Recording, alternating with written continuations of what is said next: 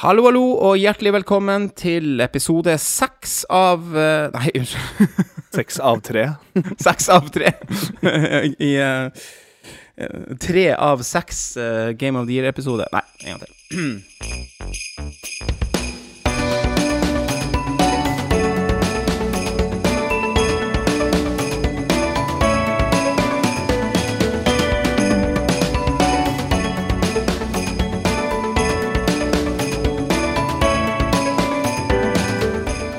Hallo, hallo, og hjertelig velkommen til episode 63 av Bross. En podkast for oss som er litt over gjennomsnittet glad i Nintendo. Denne episoden skal jo for det aller meste handle om eh, Eller va- være The Relaxed Bross Awards 2023, der vi går gjennom eh, vårt år med Nintendo og deler ut litt priser. Selvfølgelig Game of the Year. Hvem som gjør dette, er som eh, det er det meg, Alexander, og det er min yngre bror Adrian. Velkommen til episoden til deg også. Ja, skuldra senka seg. Er du relaxed? Relaxed. Så mye som jeg kan, egentlig. For å være helt ærlig, så har denne Bare for å være litt meta her, så har denne episoden ligget og lura litt. eh, at vi på en måte ikke gjorde dette før, før, før jul. Eh, litt uh, unødvendig òg, på en måte, for at Ja, du vet nå, dagene går fort i jula, og ja. Altså, vi snakka litt om det før vi tok opp her, at uh, sånne her uh, Game of the Year-episoder har en tendens å ta av litt sånn i lengde blant podkaster man, man følger. Og uh, Det er Ja. Det er, noen deler det opp i flere episoder, og selv da blir episodene eh, dritlange. ikke sant? så Så til sammen så er det sånn seks timer, men det var Mm. episode jeg så, uh, The Fire Escape, tror jeg. ja. En syv og en halv time. Men der har de på en måte lagd en podcast- eh, podcast-versjon av en stream, da. Men eh, det går bare ikke.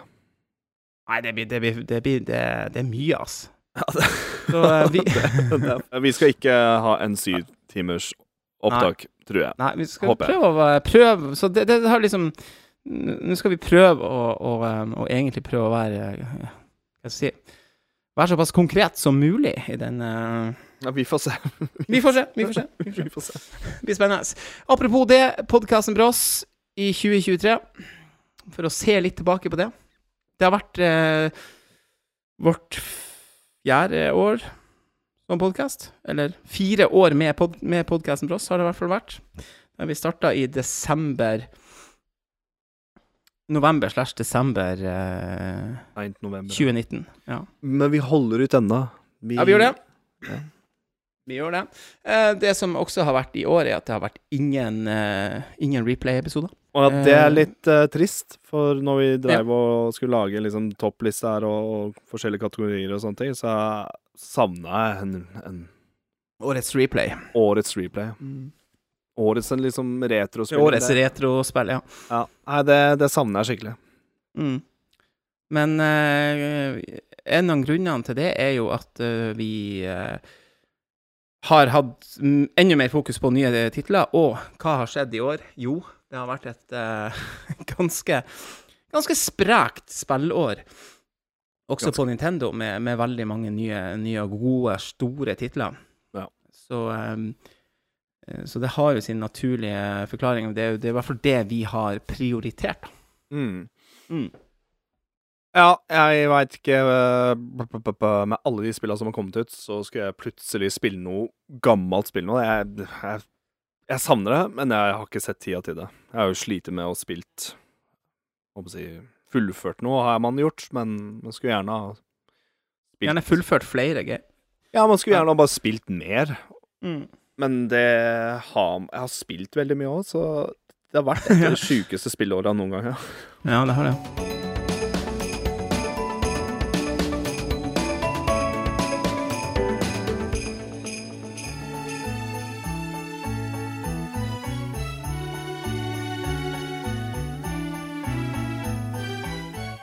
Apropos det, tenkte vi skulle gå videre uh, før vi går Før vi, eh, vi begynner med med The Relax Bros Awards for 2023, så tenkte jeg vi skulle ta og se tilbake på Nintendo-året vårt uh, sånn eh, år i in review fra Nintendo. Årets eh, e-post fra Nintendo, der, eh, der eh, det oppsummeres eh, Year in review 2023. Ja. ja. Så da kan jeg jo si det for min del at mitt første spill i 2023 var ikke uventa uh, Pokémon Scarlet. Samme her. Jeg regner med Violet var din, men, uh, Ja, ja. Violet. men dog. Mm. Så får jeg beskjed om at jeg har spilla 33 forskjellige spill. Jeg har spilt 32 forskjellige Mm. spill. Ja, da kan jeg ikke si at uh, vi, vi Da har vi spilt like mange, for det er ett spill her på lista som jeg ikke har spilt, og det er Fortnite.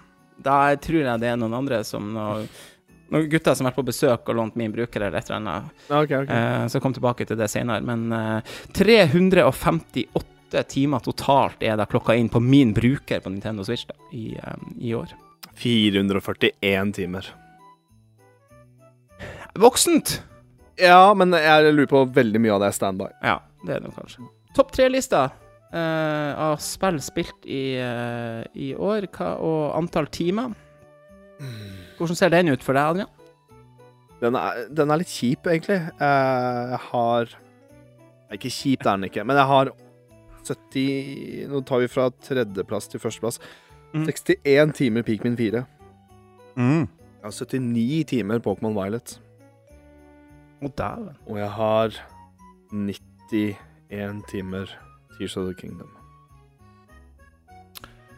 Min Da- liste er Ja. Nei, jeg, den det- sk skvatt litt, da, fordi jeg tenkte sånn Faen, har jeg spilt nesten like mye Violet som jeg har gjort Tears of the Kingdom? Jeg fikk sånn der Skulle ha spilt mer Tears of the Kingdom? altså, det, det er litt sånn Ja, eh, litt rart det der. Ja, jeg hadde da 39 timer for å begynne på tredjeplassen med Pokémon Scarlet. Uh, men jeg tror jeg var kommet lenger enn deg, kan du si, eh, før, før nyåret, da, kan du Ja. si. Ja. Det stemmer nok. Eh, og så ganske vanvittige 52 timer, og nå vet jeg at det er over 60, uh, på F-Zero 99. Men som du sier, det er mye standby-tid, fordi at uh, spillet viser jo også hva du har i effektiv Mm. kjøretid. Ja. Mm. Og det er ikke så høyt. Men, men eh, 50 det, det har jo stått på, da, og uh, intromusikken har gått, og ja. Så det er, det er ganske voksen, spør du meg. Um, også som du sier, jeg har også tenkt, hatt litt sånn her uh, Nå skal vi komme tilbake til eh, kategorier, men hvis man skulle si at man nesten hadde litt dårlig samvittighet for at jeg føler jeg burde ha spilt mer Selda. Mm. Men jeg har altså klokka inn på 101 timer. Nei, ikke sant. Eller timer. Så Jeg, jeg er veldig sånn imponert egentlig at jeg har spilt så mye Pikmin, at Pikmin 4 er mm. på topp tre. Det hadde jeg ikke trodd. Men, uh, Men du har vel runda det og, og sånn, ikke sant? Og det er jo et ganske stort spill, så jeg har, har nesten 100 av det. Men det har en sånn veldig stor Ja, det skal jeg komme tilbake Ikke en episode, nei, en annen episode, for det er en veldig bra endgame, hva jeg skal si. mm, Nice. Uh, your gaming trends hoppa vi forbi, syns jeg var, egentlig sier meg ikke så veldig mye. Uh, den måneden jeg spilte mest i, var mai, da. Og det, det er 79 timer. Det er vel ikke så rart, da, uh, når det var da Tears of the Kingdom kom ut. Så litt morsomt, du sa mai. Jeg har 65 timer mai, men det vant eh, Altså, den måneden jeg spilte mest, var januar, med 66 timer. Så én time over mai. Um, så de lå nesten head to head, da. Og 60 oh. timer november. Så Ellers så har det vært veldig lite. Så mellom der. Eh, skal sies at her er 17 timer Fortnite, og det har, en, det har jeg faktisk mest spilt i en eller annen måned her òg. Jeg kan bla og finne ut at det eh, og, og det stemmer ikke, rett og slett. Det, det er jo ikke meg. April var det mest spilte spillet her med, med ti timer. Og det, så, så det er klart at det, det lyver jo litt eh, sånn sett, da. Men ehm, men bortsett fra Du kan trekke fra de 17 timer Fortnite, så stemmer nok det meste her. Eh, så ja, det var egentlig eh, Det var egentlig det. Veldig forseggjort oversikt fra Nintendo. da.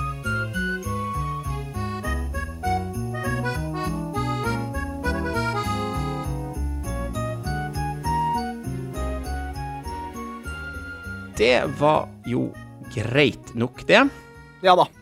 Et helt vanvittig spillår, ikke bare eh, for Nintendo, men generelt sett. Eh, med utrolig mange store og eh, spennende spilltitler fordelt på alt av spillkonsoller og PC-er osv. Ja, vi kan jo nevne i fleng, Adrian. men Det året har da fått nytt Zelda-spill, nytt Final Mm. Fantasy, og det er liksom favoritt-franchisene mine har kommet med nytt game i år, og det Mm. Det er ganske spinnvilt, men jeg syns bare hvor mye Nintendo har dytta ut med òg. Mm. Så mange gode titler på Switch at, eh, at eh, Det skal sies at jeg tror dette spillåret er, er det året jeg har prøvd mest mulig spill, men ikke blitt ferdig med alle. da. Men jeg har kjøpt det, Ja. og jeg har spilt det. sånn. det er jo en, eh, en, en liten bieffekt der, ja. At Mm. ja, jeg ser også det at jeg helst skulle ha kommet gjennom flere titler i år. For det, det har faktisk vært en skikkelig, skikkelig dipp i, i antall uh, spill jeg har runda i år, sammenligna med de foregående årene, faktisk. Ja. Så det, det er bra. Ja. Um, og så er det mange titler som jeg ikke har testa, men som jeg har hørt mye bra om, ikke sant? Uh, jeg blir veldig nysgjerrig på Alan Wake 2, for Ja, samme her. Um, Jeg tenkte jeg skulle prøve å komme meg til remasteren av Mm. eneren. Så, så hadde det ikke kommet sant, nytt Zelda og, og alt det der, så lurer jeg på om jeg hadde da fått spilt og fått testa Boulderskate 3. Men Mm. jeg tør ikke å kjøpe det spillet, for jeg bare veit hvor svært det er. Ja, det er, det er hardt. Så, øh, men så har det også vært litt sånn øh, Litt på godt og vondt i 2023, for det har på den andre sida vært veldig mange øh, kjipe nyheter fra spillbransjen.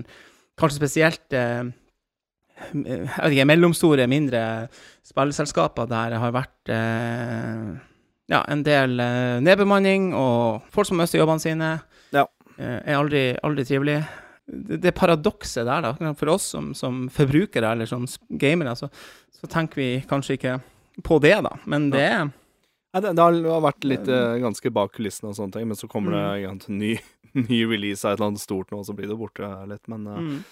Eh, det er noe å tenke på at det er faktisk Det er det. folk som sitter og lager dette her, bruker hundrevis av timer. Tusenvis av timer, ikke minst. Ja. Så mm, litt bedre vilkår til de som faktisk lager produktene. Det, Mm. det skulle man ønske seg. Så jeg håper at eh, det skjer noe, da. Noen forandringer. Ja. Ja, helt enig. Uh, OK, da skal ikke vi uh, vente noe lenger. Da skal vi sette i gang med The Relaxed Bros Awards 2023. Ja. Det er bare å slappe av. Det er det. Senk skuldre.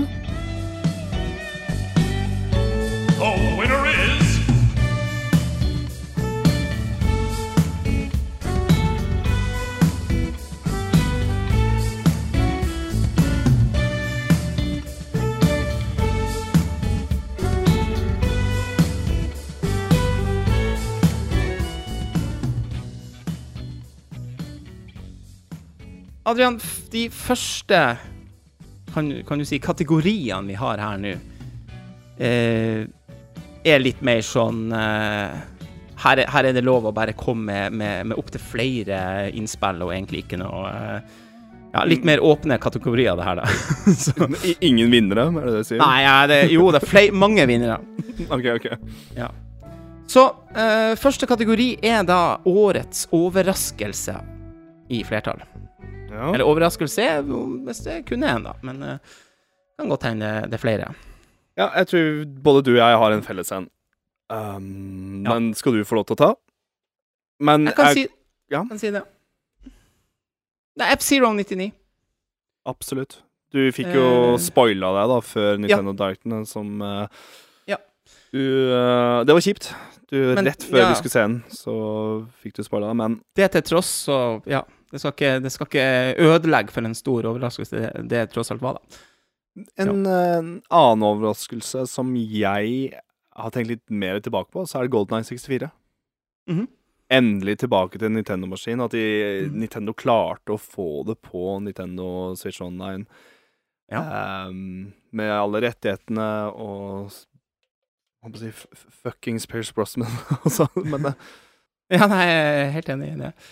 Eh, eh, for å snu litt på det her nå, også, hva har vært årets skuffelse for deg? det jeg har blitt mest skuffa av i år, er vel DLC-en til Turtles Shredders Revenge. Ja. For å sammenligne da med et annet beaten up-spill, eh, Street of Rage 4 Den Mm. DLC-en der fikk jo bare spillet til å leve mer, og jeg, jeg tror jeg nesten brukte mer tid på DLC-en til Street of Rage 4 enn Mm. singleplayer-delen. Jeg hadde håpa litt på det samme med her, men jeg syns um, Jeg veit ikke hva Det var ikke bare Det var ikke like morsomt. Det var Mista litt uh, det, det var litt sånn Magien. Ja, det var litt sånn innesperra følelse med hele del scenen her. Og det er bokstavelig talt hvor du går hen og fighter og, og sånne ting, men men jeg syns ikke power-upsa, jeg syns ikke ehm, måten å komme seg videre på var noe Var noe fett, egentlig. Så Nei. Jeg, jeg putter det Kickass soundtrack med T-Lopes, som alltid. That's it. Ja. Um, jeg har jo egentlig noe som kunne fort ha vært eh, med på årets overraskelsesliste. Eh, Men eh, jeg ble så utrolig glad da, da Level 5, i en Nintendo Direct faktisk, ehm, kom med flere fete titler som, som de skulle slippe, og spesielt to av de som er det, det ene var det, det nye IP-en Deka Police. Mm. Uh, men ikke minst at kjære professor Layton skulle tilbake, da. Ja. Eh, og så kom de med en oppdatering på de her spillene nå på slutten av året, der begge spillene er utsatt. Deka Police til 2024, da, så det er Men professor Layton til 2025. Ja. Og jeg vet at du sier at ja, men det betyr bare at de skal legge mer tid i det, det blir bedre. Og Bla, bla, bla. Du og har Alex, nok rett. Kanskje Ja. de som jobber med spillet, trenger litt mer tid. Litt, Ja, ja, litt ja, det ja, vi prata om òg, men ja. Men Jo, det- jo, det kan du si, ja, og, ja. og på mange måter og, og sånn, men det er klart, den, den, det, eh, den, der, den der skuffelsen du får når noe Mm. du gleder deg så til eh, blir utsatt sånn her, den, den, den er litt sånn Der og da jækla kjip, men man glemmer det jo, og så er det mange titler som kommer i mellomtida, altså. Det sa vi i forrige episode òg, at jeg tror nå Level 5 har gått litt høyt. Det var ganske Ja, sykt hvor mye som skulle komme, Mm. så Ja. Men jeg, jeg, jeg ser skuffelsen. Jeg gjør det. Eh, Litt samme som eh, Breath of the Wild, eh, Breath of the Wild og, og Tears of the Kingdom, når de fikk også delay og på delay Ja. og på delay, men Ja. Jeg har vel én liten skuffelse òg, men Ja, det, er, det er litt Nintendo. Ja, ja. Det er at jeg har Jeg sliter med å finne min karakter i Street Fight 6. Og det, det, og det har vært Ja. ja. men det er et Ja. sånn ømt punkt, altså. Um, ja, ja. Og det er nesten sånn jeg, jeg har ikke spilt så fryktelig mye Street Fight 6 pga. det òg. Nå venter jeg på neste DLC-karakter, som forhåpentligvis kommer nå snart. Mm. Så uh, han gleder jeg meg til, og hvis ikke han blir sånn skikkelig kul, så må jeg bare Jeg veit ikke. det er rart. Det er første Street Fight-spillet jeg ordentlig sliter med, men uh, det er Nintendo. Måtte bare få det ut. Ja, ja, ja, det er helt lov. Uh, som sagt, disse første kategoriene er jo litt løsere i eh, I eh, eh, Ja. Jeg vet ikke hvilket ord jeg skal bruke der, men eh, Ja. Det, det, er ikke så, det er ikke så alvorstung, da, kan du si. Det er jo ikke det Bros Awards i det hele tatt. Altså, så. Neste er årets beste spillopplevelser. og Det kan også være i flertall, og det kan også være spillrelaterte opplevelser. Ja Altså, det trenger ikke å være fysisk gaming. Det kan være noe rundt det, eller ja. Nei, vil du begynne på den, eller skal jeg hoppe, hoppe i det? For jeg har, har en synes jeg er en av de bedre spillopplevelsene jeg har hatt. Og Ja. da skal vi gå tilbake til 90-tallet. Vi lever i en digi digital tid nå. Vi kunne sitte og spille Golden Eye 64 online. ja. Og jeg flira. Til tross for at vi klarte å button-mappe pro-kontrolleren såpass at det var spillbart, da. Ja. For det er ikke alle som har den trådløse N64-kontrolleren. Um, til tross for at mm. kontrolleren er, er ganske dritt for alle, da. Det, det, er, vel, det det som er Ja. uh, Ja. det positive i dette her. Men uh, å videochatte med dere Ja, ja, ja. og se gamle stacken med granatkastere Jeg gliste, Helt- og vi flira, og det var, eh, det var Nei, jeg det var absurd, egentlig. Det var litt absurd. Støttes. Støttes. Eh, for å, for å eh, slenge meg på, eh, egentlig eh, På den flerspillersida, så kan jeg egentlig ta en, noe en, Egentlig non, non-tendo, det her, da. Men innseilinga til Maley Island i Mm. uh, Sea of Thieves pluss Monkey Island uh, Mm. DLC-en, eller hva det heter Det var bare den første gangen vi, uh, vi gutta Jeg, fikk, jeg får litt gåsehud når du snakker om det, egentlig. Ja. Ja, ja, nesten eh, alle Ja, det holdt er- litt kjeft under, eh, under chatten her, og bare Og Ja. alle bare skulle høre på musikken, og mm. Ja, det var rått. Den var Jeg tror faktisk jeg har litt goosebumps nå, faktisk. Ja, ja, ja, ja, ja. Eh, det var jo like magisk gang nummer to òg, så det var Mm.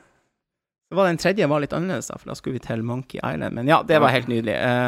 Så veldig gode spilleopplevelser, egentlig hele den, den, den DLC-greia der med Monkey Island på Sea of Thieves. Å, jeg har en til. Mm. Tears of the Kingdom. Mm. Den introen der til et Zelda-spill er noe av det beste jeg har sett på lang, Mm. lang tid. Men den ene detaljen, når du hopper ut Spoiler warning med introen, men det går greit. Mm. Når, hopp, når Link hopper ut der, når musikken kicker inn, title screen kommer Ja. Men måten musikken avslutter når han lander i vannet der Ja. Ah, da fikk jeg bare sånn wow, wow moment. Og den, Mm. den starten her er ti av ti, ass. Det er helt sinnssykt. Um, har også en liten wow moment med F-Zero 99 for første gang. Vi hadde, Mhm. spilt inn, vi hadde spilt inn episoden, jeg redigerte, så jeg fikk ikke Jeg husker ikke hvordan det var. Jeg fikk ikke spilt samme kvelden, for jeg satt og redigerte den episoden, men dagen etterpå, på kvelden her, satte jeg meg ned mørkt på rommet og bare så den widescreen altså F-Zero widescreen, men du kunne på starten ser du alle folka du skal møte mm. mot. Alle 99 Ja, skipa ja. ja. Den bare første momenten er bare sånn oh shit, OK. Skal alle de her på samme Mm. Da fikk jeg litt kick, altså. Uh, Mm. Men da satt jeg og spilte med SNES-kontrolleren, som er til Switch, og da hadde FC99 en egen button-mapping-meny med SNES-kontrolleren inne på spillet. Jeg syns det var også veldig Mm. kult. Selv om jeg bruker det er pro-controller Jeg bruker pro-controller nå, da. Ja, det gjør man jo. Ja. Du, jeg har også Jeg kan også ta videre Tears of the Kingdom. For meg var, så var det helt vilt da, da jeg skulle ta det første tempelet, da, som var Wind-tempelet. Eh, og det å hoppe oppover der Ja. eh, Høyere og høyere og høyere og høyere. Det var bare så wow-opplegg at eh, ja, jeg var bare helt sånn her eh, Helt spar, satt ut. Jeg sparte en sånn eh, videoklipp av det. For når du Mm. kommer opp i høyden der, Mm. liksom, over skyene, du bare Wow. Ja, det er sant, altså. helt vilt. Det er sant. altså. Eh, og selvfølgelig eh, F099, Det å få den der eh, etterlengta førsteplassen etter å ha prøvd så mange timer, det var en veldig, veldig god følelse. Jeg har ikke fått den ennå. Jeg har vunnet på andre måter, da, men eh, det, det, den, skal du, den skal du få. Um, Jo da, men altså, bare for å si det sånn, du har vunnet flere ganger på classic mode, og der har, har ikke jeg noobsjanse. Så ja ja, den skal du få. Greit. Så har jeg en da som er spillrelatert, og det var følelsen av å sette seg inn i eh, på Fram kino og se eh, Super Mario-filmen. Ja. Eh, det var eh, en Nintendo-film på det store lerretet. Det var, det var helt eh, nydelig, det òg, altså. ja, det, det var faktisk Husker du da Nintendo-logoen kom på, på mm. lerretet? Det var bare Hele kinosalen var rød, liksom. Ja, det, var, det stemmer, det. Ja. Altså. drittøft. Ja. Så det har um, Ja. selvfølgelig vært mange flere, men her er et lite knippe av de som de vi har valgt å ta med her, da. Mm. Um, så har vi en eh, også litt kjip en, eh, går litt opp og ned her. Men årets dårligste spillsamvittighet, Adrian. Har du noe der? Jeg har en litt morsom en, og det er he hele PlayStation 5. Er Bare sånn. og Med støva ned. Uh, den har jeg faktisk åpna opp og, og, og tatt vekk støven innen, innen faktisk. Men uh, Ja, ja, men da har du jo Jo, jeg, jeg, tror, jeg tror faktisk det, for det har vært så mye fokus på Nintendo Switch. Det har kommet så mange titler til Switch nå, og har selvfølgelig hatt litt mer fokus på det, da. Um, ja, jeg vil også har jeg én, og det er jo at jeg har nesten ikke spilt Smash i år. Å nei. hatt veldig, hatt veldig cravings for det, men jeg har ikke Mm. sett helt grunn til å, å ta det opp, sånn sett. Så jeg har litt dårlig samvittighet, for det er jo the game, ikke sant. Det, er- det er jo en, Det er the game. Ja. um, Ja. Jeg har Jeg har faktisk skrevet Selda, det er litt sjukt, fordi at øh, Over 100 timer, men samtidig Det er eh, Jeg er litt enig i Ja, jeg kan bli med på den, faktisk. Ja, men den følelsen av når du stopper å spille Selda, Mm. Sånn skikkelig, bare sånn For da blir det gjerne en lang pause, fordi det er Ja. Um, Du veit hvor mye tid du må sette av, Ja, ja. så du leiter uh, alltid etter den, der, den dagen, den kvelden du kan bare ha fire-fem timer. ja. Det er sant, altså. Det er noe med det. Uh, så har jeg skrevet Pikmin 4, fordi det er faktisk et spill jeg ikke har kjøpt engang. Um, og det ble bare en sånn tittel for meg som bare sånn Dette blir din oppgave i podkasten, og Ja. Ikke sant? Eh, eh, noen titler har dessverre ramla litt eh, mellom stolene, og, og det har det for meg. Og så har jeg en, en litt blå piggsvin som jeg eh, har litt dårlig samvittighet for, og det er Sonic. Sonic Superstars lå under treet her riktignok til jul, så jeg kjøpte på, på Xbox, vel å merke, da, til min sønn. Og ikke fått spilt det i jula heller. Fordi det har vært andre titler igjen som jeg har brukt tida mi på. Det skal vi komme tilbake til. Mm. Men eh, så Sonic Ha, jeg, har, jeg har også uåpna Sonic. Du- har det uåpna, faktisk. Og jeg hadde det, hatt det siden Jeg fikk det samtidig som Det kom rett før Wonder. Å ja, stemmer Mm. det. Kom Eh, uka før, eller samme uka, eller Nei, Det også Spiderman 2 som kom ut samtidig som Mario Wonder. Stemmer det. Uh, nei, jeg kjøpte det Black Friday. Sånn var det. Litt billigere. Ja, for du hadde Sonic, Spiderman og Super Mario Wonder på ganske Ja. Ja, det, ja, det, er, ganske, det er ganske vilt. Da. Det sier det seg sjøl at noe blir Noe blir avglemt.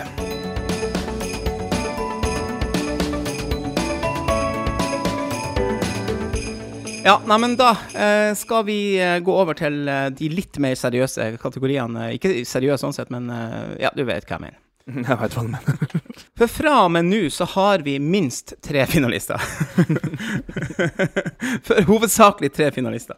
Uh, ja. Og så tar vi det derfra.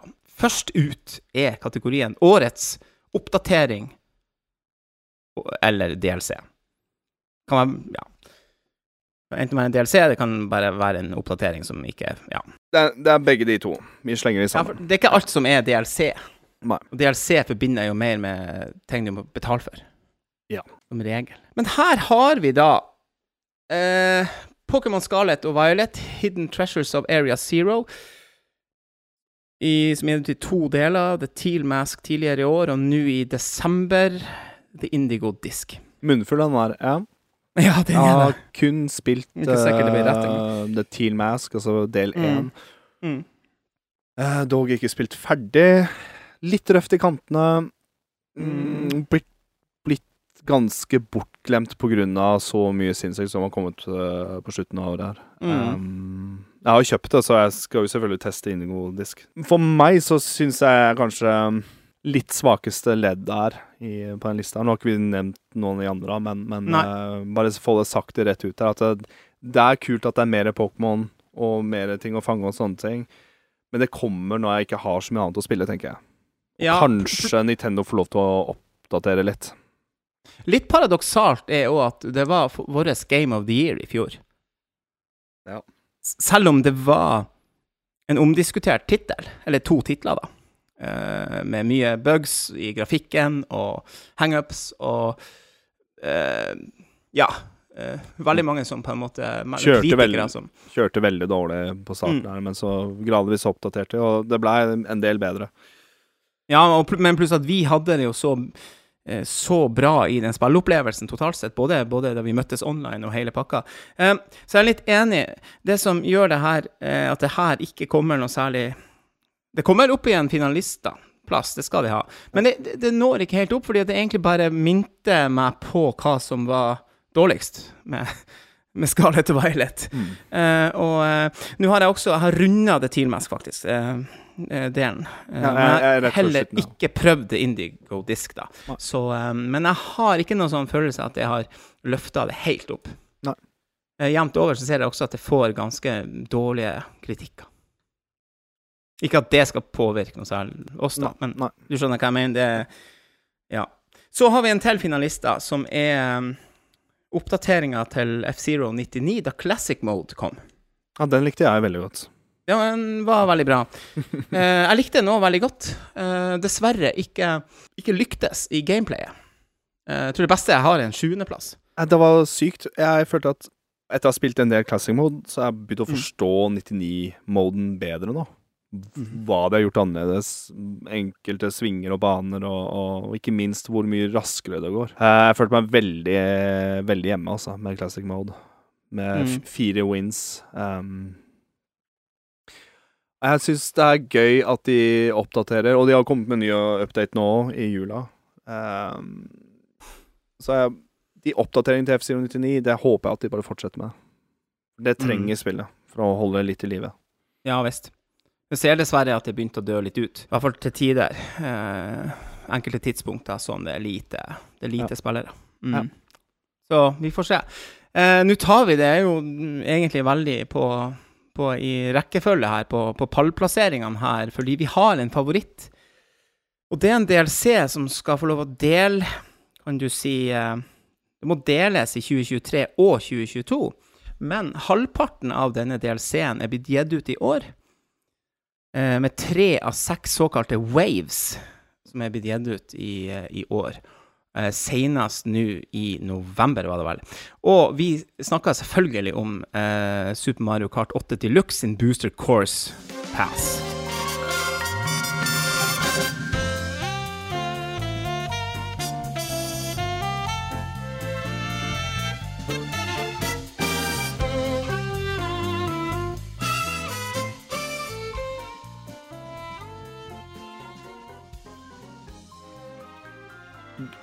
Vant Vant den i fjor òg? Relax eh, Brosword? Jeg hadde håpa du ikke skulle spørre, for det husker jeg faktisk. Nei, ikke heller. Det gjorde den kanskje, ja. Jo, den, den gjorde nok det. Den gjorde det. En så to, to år på rad om så, da. Men ja, jeg, jeg, jeg syns bare DLC, eller Wavesa som har kommet nå i 2023, er så vanvittig mye sterkere Mm. enn en det som kom i fjor. Eh, med nye karakterer, ikke minst. Du har Mm. fått en Yoshi-bane. Diddy Kong og Så men det, har, ja, men det har bare fått meg til å spille mye mer Mario Kart 8. Og jeg, Mm. jeg skulle ikke tro det, men jeg har det så gøy online nå, altså. Sånn jeg og dama møtes online, spiller mot da folk fra hele verden. De har Mm. balansert online. Eh, når jeg leste det, så syntes jeg det hørtes litt kjipt ut med at de har kutta ut 200 CC. Nå kjører de kun 150 CC. Itembox respawner mye raskere. Men en ting jeg ser, at det er bare sånn Det er bare bedre balansert nå. Med både også hvilken spillere du møter innafor hvor mye sånn rank points du har, da. mm. Du vil alltid finne de som er skitgode og ligger liksom en halv lapp foran deg. Men jeg og madammen har jo også begynt å bli ganske mye bedre. At vi, vi vinner oftere nå. Og Mm. eh, det er mer jevnt, da. Så jeg har hatt det utrolig gøy med Mario Kart 8. Og ikke minst at de har balansert både carts og figurer, så at det er Du ser ikke kun Valuigi med regular, eh, regular bike, ikke sant? Du, du ser Nei, nei, nei. så mye Litt, Eh, litt større variasjon nå. Ja. Så håper Hopp har blitt en bedre, bedre opplevelse. Så Mario Kart 8 Ja. Deluxe Online er kjempebra, med en ny bane nå. Ja, he helt nydelig. Eh, Og kanskje den, det der, eh, den nye banen på badet, eller hva det var eh, Det er det som Mm. heter Squeaky Clean Sprint. Uh, som kom i Wave 5, tror jeg. Uh, og så syns avslutninga på den siste Spiny Cup, blåskjellcupen, var solid, altså. Ja. Uh, de to siste banene der eh, Jeg trekker litt tilbake det jeg sa i forrige episode, eller når det var, med Rome og Madrid og sånne ting. Det, det er egentlig ganske kule, de bandene. Um, gått tilbake og spilt mer nå. Så Nei, oppi opp, jeg syns Nå er Waves er over nå, håper jeg. Det kommer ikke noe mer, men det er en utrolig solid pakke til Mario Kart 8. Det det. Men den balanseringa til online, det, Det blei til det bedre. Så de har litt Ja, peiling hva de har gjort. Kjipt for kanskje de som er hardcore, men Ja. veldig gøy for oss som er ikke helt der. Så en, har du en honorable mention, Adrian? Ja, det er kanskje eh, litt innafor årets dårligste spillsamvittighet òg. Altså, det Ja. Jeg var midt Jeg var 60 timer inn i Xenoblade Chronicles 3 i fjor. Um, og jeg digga det spillet her. Men det har vært en uh, DLC til nå. Ja, Waves. Mm. det har kommet også Wave der, da. Og den siste delen, som er litt sånn Grunnen til at du betaler 300 spenn, da, det er at det kom en fullstendig ny DLC med en ny story, en ny epilog, uh, som heter Future Redeemed. Kom ut 24. april uh, nå i år. Jeg har lest så mye fett om det der. Det var en kar som, på, på Twitter som sa Jeg anbefaler fra, mitt hele, altså fra mitt hele hjerte at folk spiller Xenoblade Chronicles 1, 2, 3 og spill DLC-en nå. For den følelsen han fikk på slutten her, det er at alt connecter seg litt nå. Alle de tre spillene, alle de historiene bare møtes litt nå. Og jeg bare Mm. shit. Jeg har Xenobed Chronicles eh, 1 på Switch nå. Og jeg, jeg vet hva, jeg fikk meg til å stoppe med treeren. Og jeg vurderer å gå gjennom serien, faktisk. For jeg har hørt at den Mm. DLC-en er så bra. Så hadde jeg spilt det, og spilt den Mm. Future Redeem, så hadde jeg garantert vært på førsteplass. For det er Mm. Da bare har du bare slått igjennom totalt. Ja. bare det lille jeg har hørt, har fått meg til å sånn av, ja. avslutte litt treeren og begynne fra scratch av bare for å se det. Så Mange har det som Ja. Game of the Year òg. De, de mener det, altså. Ja. Så det, det ser utrolig bra ut. Så um, jeg vet ikke. Men det er for mange timer. Så, Altså, de har den DLC-en som Game of the Year, altså, på en måte, for det er nesten som et helt nytt spill. du møter Shulk og Rex i den DLC-en. Mm. Og de gamle hovedkarakterene fra eneren og toeren møtes da. Så det ser Ja. skikkelig stilig ut. Så verdt å nevne, tenkte jeg. Fire Emblem Engage har vel òg en DLC, men den har jeg faktisk ikke fått prøvd. Ja, den har jeg spilt litt. på, det mm, OK. Jeg, jeg, jeg syns den DLC-en fikk meg til å spore ut litt hoveddelen Ja. i spillet. Du har Um, nevnt det tidligere òg i podkast. Det var en DLC som ødela litt progresjon til uh, main storyen til Engage, mener jeg, da. Ja.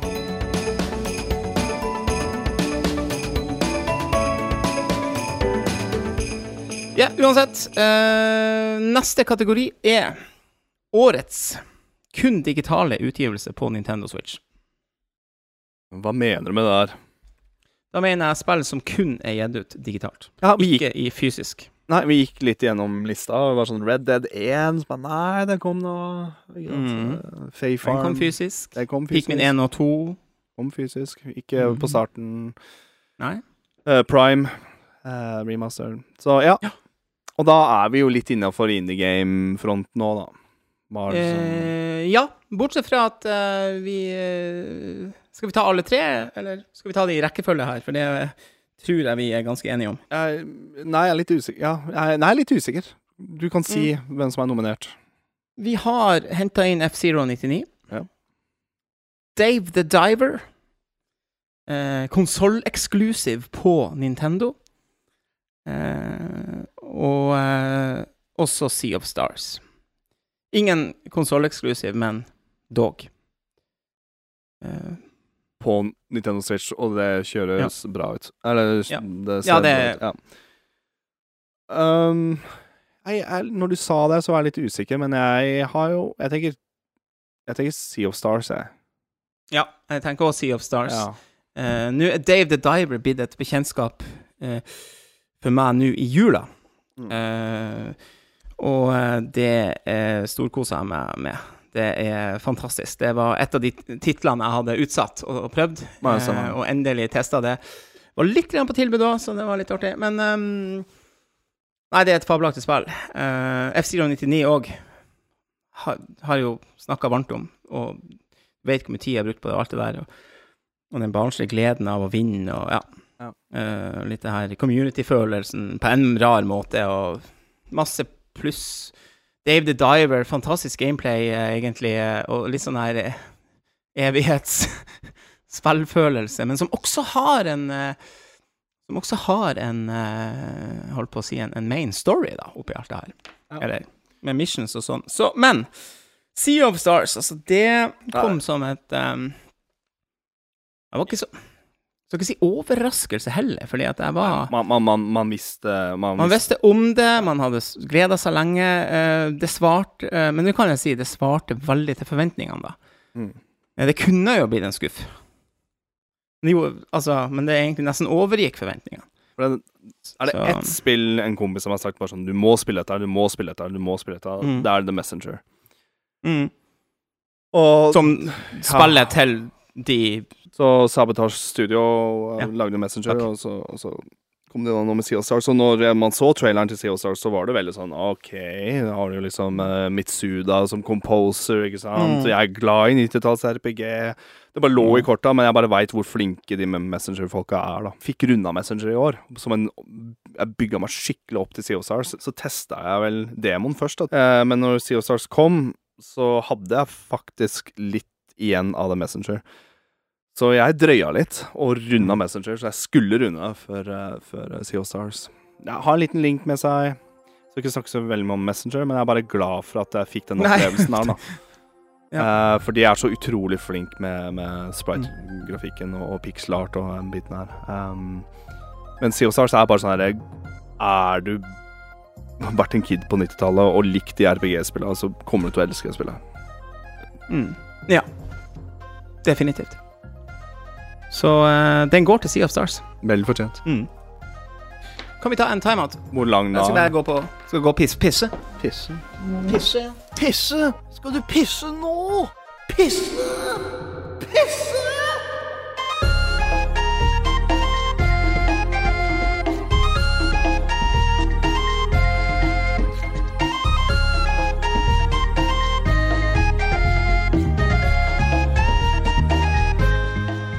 Årets beste co-op-spill er neste kategori ut. Ja, co-op det er, er litt sånn på godt og vondt i, eh, i, eh, blant årets uh, nominerte. Uh, fordi Vi kan jo ta de egentlig først som sist. Det er Super Mario Bros. Wonder. Er Disneys Illusion Island. Og det er Kirby's Return to Dreamland Deluxe som er de tre nominerte. Så for å begynne en plass, da, så kan jeg jo begynne med Disney's Illusion Island. Eh, det er et spill eh, jeg vet ikke, Du har ikke spilt det noe særlig? Nei. Har du det? Nei. Så um, Men det kan jeg si. Det har vært et veldig sånn Litt sånn tilgjengelig uh, couch co-op-spill uh, som har på en måte vært litt for Holdt på å si for både store og små.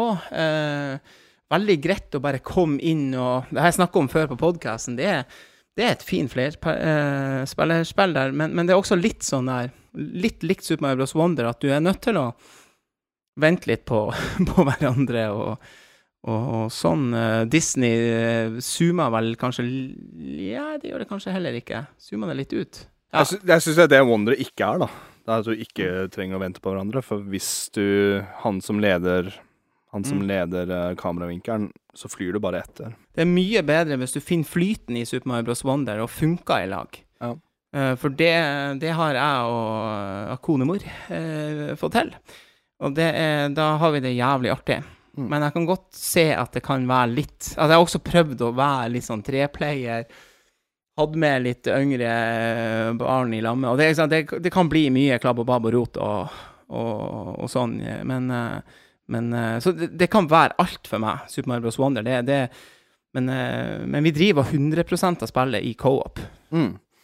Så, så vi, vi har knekt den koden, da. Ja. Eh, Det passer veldig, veldig bra for meg. Som sagt, også Disney Illusion Island er, er en OK multiplayer som er men, Det eneste som virka med Disney Illusion Island, var at hvis um, du ikke har vært med fra børjan av, så var det kanskje litt vanskelig å forstå de nye abilitiesene du unlocker, eh, hvordan du skal få- brukt dem seinere. Ja. Eller tar jeg feil her? Nja Ja, det, litt, går bra. det er Mm. litt sånn Metroidvania-spill. Ja, altså. jo, det er jo det. Det er jo det. Så Du, eh, jeg, tror, jeg tror det er lettere jo. å hoppe inn i Wonder og, og det siste spillet vi har på lista her. ja. Det jeg Ja. føler som gjør alt dette her egentlig eh, noen hakk eh, Ikke bedre, vil jeg ikke si, men, men det er veldig gjennomført. Og det er um, Kirby Return to Dreamland Deluxe. Det er også Mm. fireplayer co-op. Uh, Ja. Du kan velge å være alle skal være en Kirby, eller så kan du da spille Mm. King DDD, Meta Knight eller uh, Bandana Waddle D. Mm -hmm. uh, og de karakterene i seg sjøl er veldig sånn Har forskjellige moves. Kjennes veldig annerledes ut. Eh, du kan plukke hverandre opp. Eh, er det noen som eh, detter ut og sånne ting, så kan du jo gjenopplive den igjen, sånn som i gamle Mario Games og i Wonder.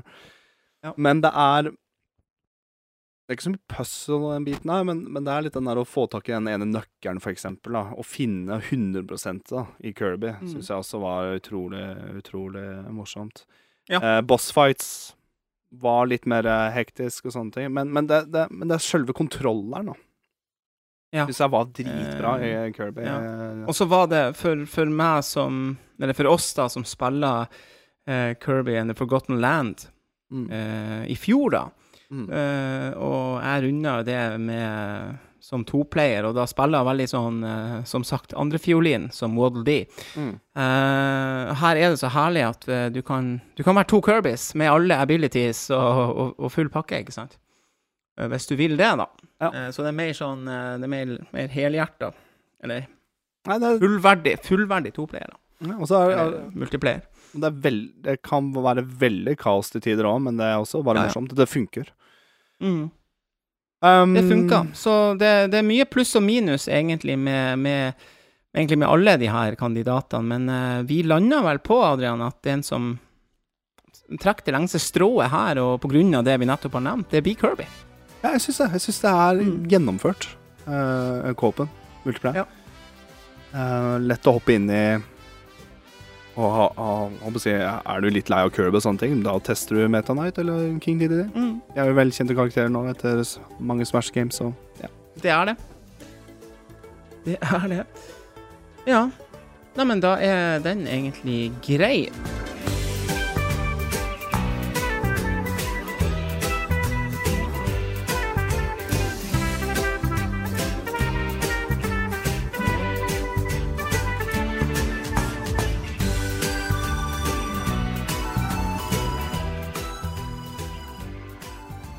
Neste kategori har vi kalla for Årets comeback. Og eh, ja. ja. Det har vært opp til flere comeback, men hva mener Det vi med det. comeback?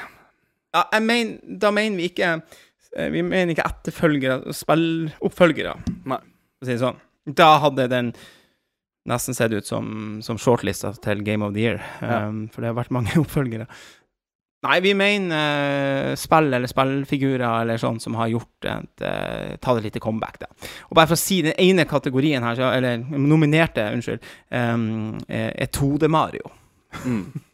Fordi uh, Super Mario Wonder kom som et så bra spill, da. På en måte følge opp den New Super Mario Bros-serien, da. Som har vært veldig omdiskutert. Mm. Jeg liker de veldig godt, men jeg vet at ikke alle er like glad i de der 2D Mario-spillene av nyere tid. da. Jeg har annet lest at noen mener at Wonder er den kanskje litt en sånn slags den ordentlige oppfølgeren til Super Mario World. Mm. Altså sånn. Ja. Så vi er litt der, da. Um, og så har vi eh, Men, eh, men eh, 2D Mario kommer nok litt kort her i denne sammenhengen. Uh, eh, og her, her er vi vel ganske samstemt òg, at det er to til som på en måte ja. Vi skal litt i retro, retro Ja, vi skal til retro. Så du kan jo ta neste, du, Adrian. Uh... Golden er 64. Ja. Vi nevnte litt med spillopplevelse og sånne ting, men det, men det er bare litt sykt at det Mm. faktisk kom på Nintendo igjen. Ja.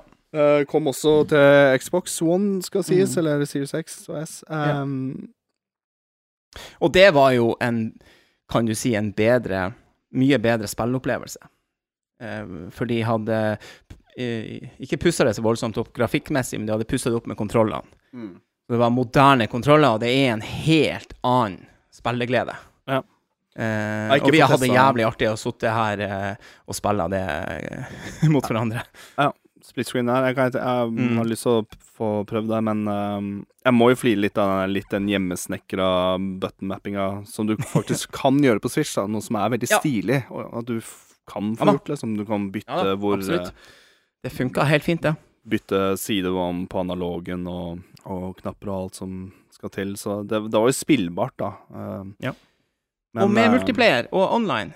mener jeg. Mm. Mm. Uh, så det Med online-spilling, så det Men Golden Eye 64 fikk pinadø et comeback. Du sa Ja, det i stad. Det er sånn Mm. at hadde du ikke Mm. hatt en gammel eh, N64, eller Roms, da, så hadde du ikke hatt ingen, ingen steder å spille det på, liksom. Så, Nei. så det er absolutt en comeback. Jeg var Etter nesten så mange år og så mye rot med, med liksom uh, Lisenser og drit, da. lisenser og rettigheter og Rare som er eid av Microsoft. Ja, det ene med det andre.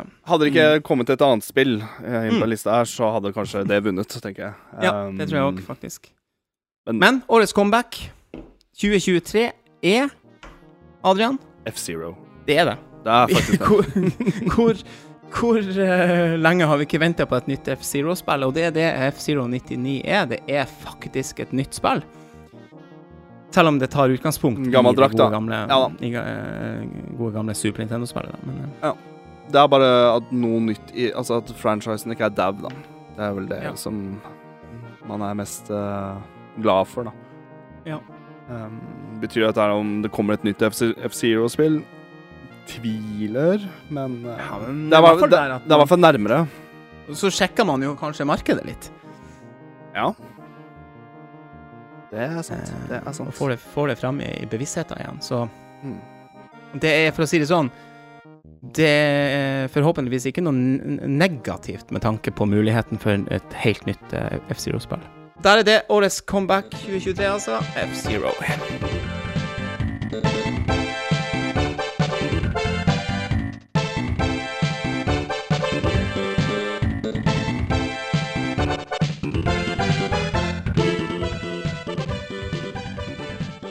Så skal vi til en kategori som er også er litt sånn eh, eh, litt, litt eh, stor kategori, egentlig. eh, for mye kan hives inn her. Vi har kalla det for årets oppussingsprosjekt. Og nei, da tenker vi ikke på eh, å legge nytt listverk eller uh, male i stua. Sinnasnekkeren. Nei. Uh, remakes, reboots, remasters alt som eh, havna under der, altså. Og de nominerte er Super Mario RPG. Nevnte Kirby's Return to Dreamland Deluxe. Og Metroid Prime Remastered. Ja. Tre sterke titler, egentlig, og um, egentlig ikke noe jeg tror vi er helt enige om, eller helt har kommet fram til eh, om det, om det er noen felles vinner her. Eh, det får vi finne ut av nå. ja. Ikke å bruke altfor lang tid på det, men det er Ja. Kirby's Return to Dreamland Deluxe. Det er oppussa spill fra Mm. Wii. Men de har gjort ganske mye der, da. Det skal Mm, sies. Ja, de har det. Mm. Eh, hvis du ser en sånn comparison på YouTube og sånne ting. Jeg ser veldig mye mer crispy og, og slick ut nå på Switch. Men jeg vil jo si at jeg jobba litt mer med Super Mario RPG og Metroid Prime Remasteren. Klart. Um, Så vi er nok en, på ting en lik, en ting likt med alle de tre titlene, er at de har ikke endra noe med gameplay. Så å si.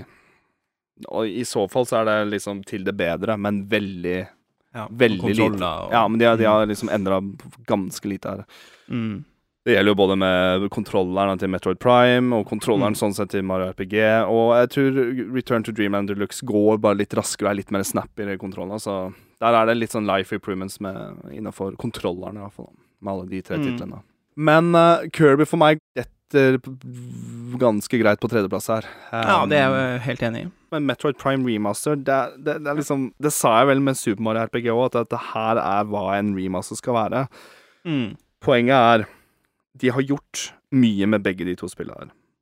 De har kanskje gjort det litt mer med Mario RPG, siden der har de på en måte må si, gjort hele spillet til 3D. Og de har gått fra pixel til 3D. da. Men Metroid Prime Remaster, hvor bra det ser ut på Switch, hva noe heksekunst de har gjort for at eh, spillet Mm. kjører så smooth på en Nintendo Switch, på en, eh, en tablet. Um, de har ikke forandra så mye på atmosfæren eller ting som skjer i Metroid Prime. Det ser bare mye, mye, mye bedre ut. Og det spilles mye, mye bedre ut på grunn av det òg. Mm. Men jeg føler at de den innsatsen de har gjort med Super Mario RPG igjen, altså er et hakk bedre. Jeg tror mm. faktisk det. Det er at de har veldig bevart hva Mario RPG er fra gammel 16-bit. Mm. Animasjon, stilen over ting. Ja, Um, ikke minst også betydninga eh, egentlig det har hatt for eh, For sjang... Eller måten Super Mario og RPG møttes her, da, for første gang. Um, Square Enix, eller hva det var, gamle Square, da. Um, som samarbeider med, med Nintendo. jeg syns det er et viktig spill at folk får prøvd. Og et spill som også var opprinnelig ikke så veldig lett tilgjengelig, alt det der, for oss som bodde i Europa. Um, det har vi snakket om før. Um, og, og, og også, også på en måte litt uh, det originale til det som uh, liksom uh, satt litt standarden for det som etter hvert ble både Paper Mario og Mm. Mario Luigi-serien. og Ja. um, Jeg sa vel litt i for, forrige episode at de kunne gjort mye feil med Super Mario RPG òg. De kunne ha Mm. safa den litt for mye, at det har sett litt Mm. for glatt ut, men det, dog har de, de har ikke gjort det. Um, de har bevart den wonky-nessen med spillet her. De har, de har bevart liksom ting skal være litt choppy, hakkete, utdatert kontroll, bitte litt til tider. Um, stivt og jævlig og sånne ting. Mm. Men det er bare så vanvittig sjarmerende hva de har gjort med grafikken. Cinematics og sånne ting, så Altså, jeg, jeg setter min lit litt til det her, for Metroid Prime Remastered har jeg egentlig kun prøvd eh, noen få noen få eh, timer ut av. Altså eh, og, og, eh, og det er også et spill som jeg, det, det, det ble litt for tungt for meg når jeg lå her med med høstinfluensaen? Ja. Eh, manfluen. Eh, så Super Mario RPG var jo da et mye mer tilgjengelig spill for meg, og, og det runda jeg jo og hadde det fantastisk med. Så, så det er klart Jeg vet også hvor artig jeg hadde det med Metroid uh, Dread, da. Ja. Så, men, uh, men det krever jo kanskje litt mer, da. Ja, det gjør, det gjør det. Starten med Metroid Prime, og når jeg kommer Mm. meg videre, og når du kommer i den Metroid-grooven den, Det er Ja, en ja, min, en av den, liksom. god spill eh, Altså, det er et av Mm. høydepunktene mine i spillåret Mm. her. Mm. Og jeg mener Metroid Prime er jo også beviset at det er såpass tidløst. Når Mm. grafikken ble bare pussa opp. Kontrolleren ble litt bedre, så Mm. merker jeg hvor enda hvor godt dette spillet her er, da. Så det er sånn er jeg, Liker Metroid Prime mer enn Super Mario RPG? Oppi opp, kanskje. Sånn Mm. rent, bare rent gameplay-spillet. Men jeg er veldig glad av hva de har gjort med Super Mario RPG. Mm. Veldig glad for å, at de klarte å pusse opp det spillet såpass mye, med at jeg også klarte å få en nostalgisk følelse av dette her, og, og et uh, spill jeg har lyst til å Eller ville gjerne runde, da. Mm. Og musikken, med at du kan bytte til, fra gammel til ny musikken. Og det, det, er, det er en bra pakke der òg. Jeg sliter veldig. Jeg syns Metroid Prime et av de beste spillene som har blitt lagd noen gang. Eh, litt glattere på Altså, grafikken ser bedre ut og sånne ting, men det, de har gjort mer med Super Mario RPG. Ja, og, og- det, det kan du si litt mer tekniske forklaringer her, og litt mer, med litt mer innsikt som du har. For min del er det ikke så vanskelig, men det handler jo mest om fordi at det ene spillet har jeg runda, det andre har jeg ikke kommet ordentlig inn i. Eh, men jeg har sett det, og, ikke sant, og, og, og, og skjønner, men, men for meg så er det til, så veldig mye mer tilgjengelig spill, Super Mario RPG, da. Ja. Uh, så det får min førsteplass av, eh, av de nevnte årsaker, da. Ja. Jeg tror min går til Metroid Prime Remaster, faktisk. Så der Der splittes vi. Uh, Men, uh, og det kan for lite om det til å Eller har spilt det for lite til at jeg føler at jeg kan, uh, kan være med fullverdig. Um, så Det der må vi forstå Det spillet ser bare helt rått ut. Det er, det er så Ja, er så hvis Bross, podkasten Bross skal komme med en med en, eh, med en felles en her, så, så har jeg ikke noe i veien for å, for å støtte meg på eh, de, de vurderingene. Så eh, Vi kan godt bli enige om, om Metroid her og nå, eh, hvis du virkelig mener det. Jeg syns det. Jeg syns det er Mm. en remaster som bare Ta det litt som, som Windwaker mm. HD. Mm. Spillet i seg sjøl er så polert og bra, liksom, Mm. men de har bare gjort det grafiske bare noen hakk bedre. OK, Mm. det er litt fetere å spille denne versjonen her, men spillet er det samme. Ja. Så jeg, jeg må Jeg må Ja, jeg, jeg, jeg, Nå kjen- Det kjentes litt godt ut å gi til Metroid Prime, faktisk. Bra. Nei, Man skal være ofte litt uenig når man driver og pusser opp sammen. Sånn er det. Uh, vi, honorable mentions her har vi to double packs. Det ene er Advance Wars 1 og 2. Det andre er Peakmin 1 og 2. Rett og slett litt for glatte ports til at Eller ikke ports, men, men, men remaster Re- til at eh, Jeg syns ja. de andre oppe i lista her har gjort er noen hakk fetere. Ja. Både, både spill og hva de har gjort. Så. Så sånn er det.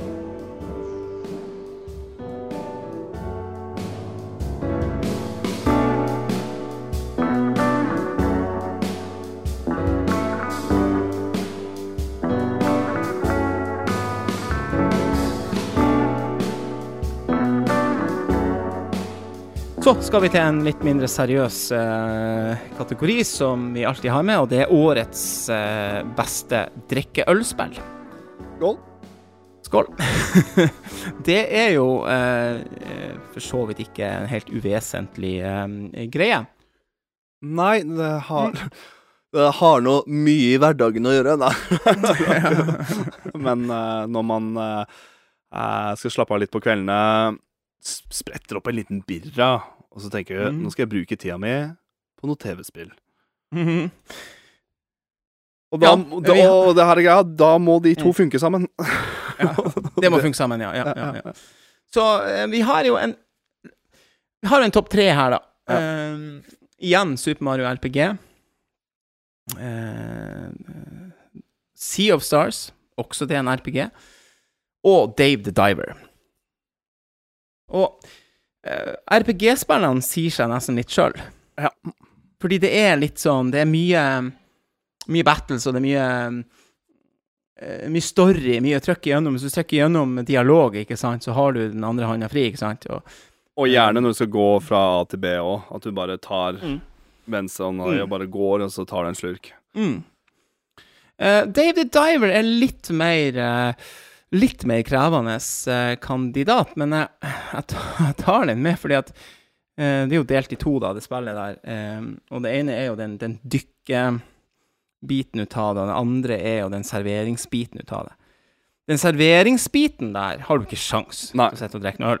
Bare så det er helt sagt. Og da er det heller det å ta seg en velfortjent uh, slurk når du er ferdig med arbeidsdagen, ikke sant? Ja, for det, det tar ikke så lang tid. De, Nei, nei, det tar ikke så lang tid, det. Men det, men det det at du tar en slurk imellom uh, va Ja. vaktene her, ja. ja. Jo, Ja, og det er også litt den følelsen når du, når du er ute når du, uh, For meg er det egentlig Når du har vært ute og, og dykka òg, så sånn Da er du litt sugd i den, den gameplayen. ja, det går er også litt når du, når du endelig har landa alle all goodsen dine, ikke sant, og kommer trygt opp med det til overflata, så er det litt sånn huh, En jævla lettelse av og til, ikke sant. Lite oksygen, kanskje, Og... Ja, for det går vel ikke an å drikke pils under vann? Nei, det kan man ikke gjøre. Nei, ikke sant. Så Men du som spiller, kan jo selvfølgelig gjøre det. Kan jo la deg være på et trygt område og ta deg en slurk. Eh, Men, men, eh, men skjønner, du hva jeg mener? Det er liksom Det er de her imellom de, de, mellom satsa Mellom arbeids... mellom arbeidspunktene i dagen. Ja. Det som er litt kjipt med øl og RPG, det er at eh, av og til så kan du bli litt sånn små, ekstra småtrøtt på kvelden her og ikke fått med Mm. deg alt av storyen. Så det er altså litt minus, da. Det er også litt negativt, ja. Så da må jeg bare spørre, er Sea of Stars-storyen Det er mer story i Sea of Stars enn Super Mario RPG. Men Super, Super Mario RPG kan du stå fast noen ganger, hvis du ikke har fulgt med litt. Ja, Faktisk. Eh, For meg personlig så var jeg jo sjuk under Super Mario RPG når jeg spilla det. Ja. Så det var mest at jeg lå i senga og spilla. Det var, var ikke den her typiske sitte å drikke øl og kose seg på kvelden. Eh, Så for meg er det en litt, en kan, og på grunn av det, da, en litt svakere kandidat her. Um, sea Ja, of Stars Jeg har, øl, jeg har tatt noen øl med Sea of Stars. Jeg har det. Ja da, Jeg har det.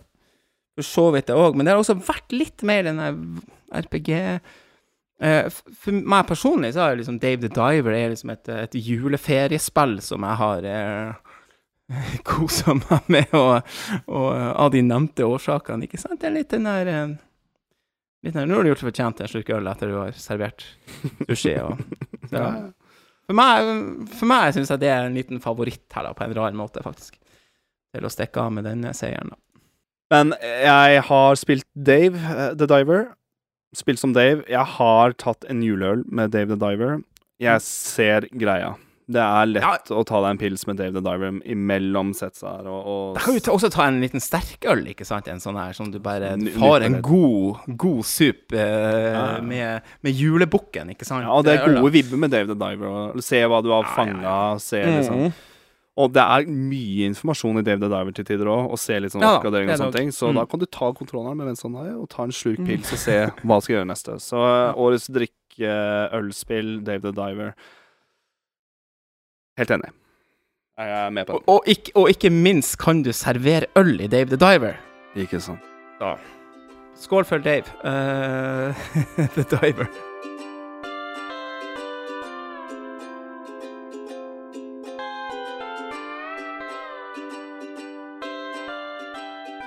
Men vi har jo noen honorable mentions her, eh, og det jo den lista er, er Det er litt artig. og Det kunne vært uh, litt avslørende hvis, hvis den lista her er, er dritlang, ikke sant? For det Drikke øl til hvert spill. Nei da, men, men um, Golden Eye 64, honorable mention. Um, det er jo litt den her uh, Å spille online stack grenade launcher. I, Der og da, imellom fightsa, liksom. og- Imellom fightsa der, ja, ikke sant. Så jeg, Men også når du dauer i golden her, så er det altså Det tar litt tid før du respawner igjen, liksom, og da kan du ta Ja. en sluk til, altså. Ja, du kan det. Og så er, ja, faktisk. Og så er det noe med at det er jo også en sånn her Det er jo der man kan møtes med vennene, ikke sant? Eller eh, kompisene. Ta en runde. Det er jo mer sånn her Det er jo nesten litt sånn her god gammeldags eh, Altså Det er jo et partyspill, nesten, eh, når man eh, Hvis man eh, hvis man ser sånn på det, da. Det kan jo bli litt dårlig. eh. Det var alvorlig på 90-tallet. I 2023 så er det mer et partyspill, da. Ja, retro- retroutgaven av det er på en måte mer Ja. partyspill for oss som vokste opp med det da. Ja, jeg er enig. Det var jo Det var seriøse saker på 90-tallet. Dritseriøst på slutten av 90-tallet. Og før vi begynte å drikke og alt sånt. Det var jo Ja. Sånn var det. Jeg ser nå at jeg skulle nesten ha tatt ett spill kanskje med på lista her, men jeg tror den Mhm. datt ut. Pikmin 4. Greia at Det er med. Det er med på uh, Unbrown Mention. Ja, men jeg bare lurer på om jeg skulle ha vært på topp tre, men, men så oh, ja. husker, husker jeg nå at Pikmin 4 er veldig sånn Litt sånn todelt, da. Det er veldig slakt og veldig ålreit å holde på og, inn, og finne 100 på, på banene. Mm. Få mer Pikmin, så la de bære ting for deg, så sitter du her og bare ser på folk jobbe for deg, da. Ja. Men plutselig så får du en sånn challenge, eh, Dandori challenge-biten og sånne ting, og da må du virkelig sette deg litt fram, og du har bare noen ja, du, du må slåss på sekundene for å klare dette her, så så nei, det er litt sånn dårlig miks der, men, men uh, store deler av Pikmin 4 kan du absolutt drikke øl til, men uh, det, til det som er, begynner å bli hektisk og vanskelig, anbefales ikke. Så det er litt uh, jeg har tatt med Super Mario Bros. Wonder, og det er egentlig ikke noe sånn spesielt god kandidat, fordi at det er eh, og, og, Alex, og, det her er egentlig ja. litt sånn der tulle topp tre, Vi hører på, detaljrikt vi går inn i dette her. Ja, ja, ja, det er, det er Men det er noe med det. Det er noe med det. Uh, Super Mario Bros. Wonder er, er det, det, det, det er trivelig å sette ned og spille Super Mario med, med fruen og drikke et par pils på kvelden, jeg må si det. Nå i romjula hadde, hadde vi en sånn vanvittig bra spille der også vår stesøster var Therese var med, og så spiller vi treplayer der. Så det blir ikke for vanskelig etter et par øl? Eh, ja. Er du såpass god Når- ma Super Mario-spiller at, at du klarer dette her med pils? Ja, men eh, det skal sies. Det, det er bra vanskelig på slutten her. Så de spesialverdenene der er helt sinnssyke. Så det er egentlig det er egentlig på kanten eh, i det hele tatt å ha den med her som en honorable mention. Men jeg har det litt med for at det var så, var, var så god stemning i romjulsturneringa her, holdt på å si, eh, romjulsspillinga her, at det var helt eh, Helt nydelig. Og, og, men det som vi begge er helt enige om, som definitivt ikke er et et rekke ølspill, F-Zero 99. Absolutt ikke. Det bare drit, det er ikke noe Bare styr unna. styr unna. Og, og det skal du være klarest mulig i, i toppen og ha alle uh, funksjonene intakte, holdt på å si. Uh, blir bare surr. Jeg sier, det, jeg sier det faktisk nei takk, hvis det er noen som spør om jeg har lyst på et eller annet. Nei, der må du um, være skjerpa. Ja, du må være skjerpa der, altså. Ja. ja, men uh, Dave the Diver, årets drikkeølspill. Det er en god.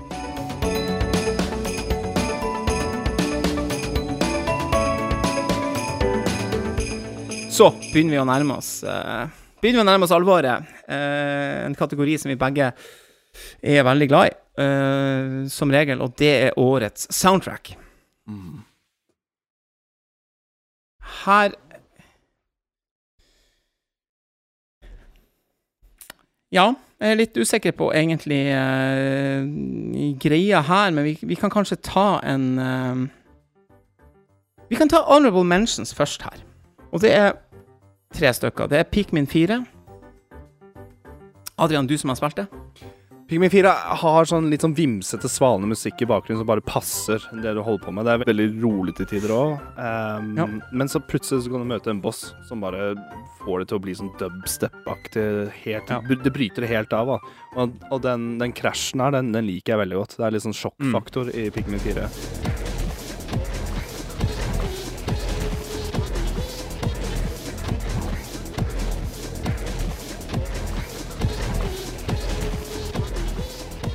Men overall så er det veldig bare sånn Det er et solid soundtrack, men det er ikke noe særlig ting jeg husker utenom bossfights. Ikke sant? Så det er bare noe trygt og godt i bakgrunnen der. Men det er gjennomført, men det er ikke sånn Det er ikke noe jeg ville ha gått på YouTube og hørt igjen, på en måte. Nei. Men, det, men det, det, det er solid. Bra. Så har vi jo en til honorable mention, som er Super Mario Bros. Wonder, og det Jeg syns det har fått ufortjent mye kritikk, det soundtracket, for jeg syns egentlig det er ganske sterkt. Men jeg, jeg, jeg, jeg, eh, får, jeg får jo veldig Mario-vibber av melodiene der. Altså, den hovedlåten der, den første du møter på der, den hadde jeg jo veldig, veldig på, på nynneren. Altså mm. hadde i, På hjernen, rett og slett. Jeg hadde jo for Så den, den, den satt godt hos meg, for å si det sånn. Det var Jeg synes uh, Når det er underground, jeg syns det er veldig kul melodi òg. Der hører du at de har lekt seg litt på den originale Bross 1 underground-melodien.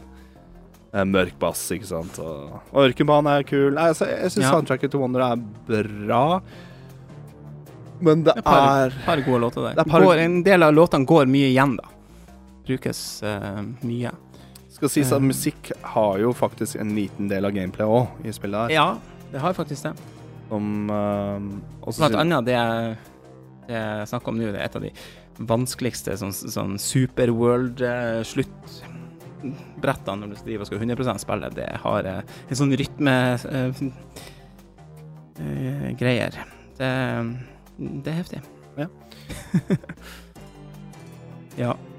Så har jeg også tatt med Fire Emblem Engage, eh, og grunnen til det er egentlig bare fordi at eh, Det er er det et Fire Fire Emblem-spill, så Da har det bra sound, eller kult kul, kul bra soundtrack. soundtrack. Ja. Eh, men heller ikke der er ikke sånn som jeg gått tilbake og hørt på. Sånn. Jeg, jeg har ikke gjort det, altså. Men, men, uh, men jeg husker det var et godt uh, soundtrack. Ja. Anyway. Topp tre her. Eh, og det kan vi kanskje ta Blir vi enige Jeg tror, jeg tror vi blir, vi blir ganske enige om en, om en vinner her, da. Ja, den tror jeg vi var ganske det er vel kan, sikkert litt uoriginalt. Uh, Kanskje, ja. Uh, Men det er en grunn til det. Men, eh, vi, Ja, det kan, det. men vi kan ta lista fra, tre til, eller tre, fra tredje til første. Ja, jeg tror på tredjeplass setter vi Tears of the Kingdom. Zelda der. Eh, flott soundtrack. Og jeg nevnte litt i begynnelsen av episoden at det, jeg fikk gåsehudfaktor av introen. mm. Og hvordan enkelte av Enkelte melodier inne på spillet her som bare, som bare fremhever det episke ting. Um, Men du har eh, nye og forskjellige versjoner av kjente melodier fra Breath of the Wild. Mm. Jeg tror du også nevnte litt at det er jo også flere mm, main themes da som kommer i Tears of the Kingdom enn i Breath of the Wild. Ja. Um, men det er Ja, det er, vanvittig gjennomført soundtrack, altså. Herre fred. Mm. Det er det. Og jeg tror også vi har mye godt i vente som på en måte ikke har tatt den siste runden med mm. å runde av spillet og den biten der, altså. jeg- Men, jeg, har bare, jeg har eh, bare hørt på et par ting, og det er Rito Village. Når du hører en litt mer sånn mystisk, mørkere versjon av Rito Village-melodien fra Breath of Wild, det, det, det er stemningsfullt, altså. Det er det.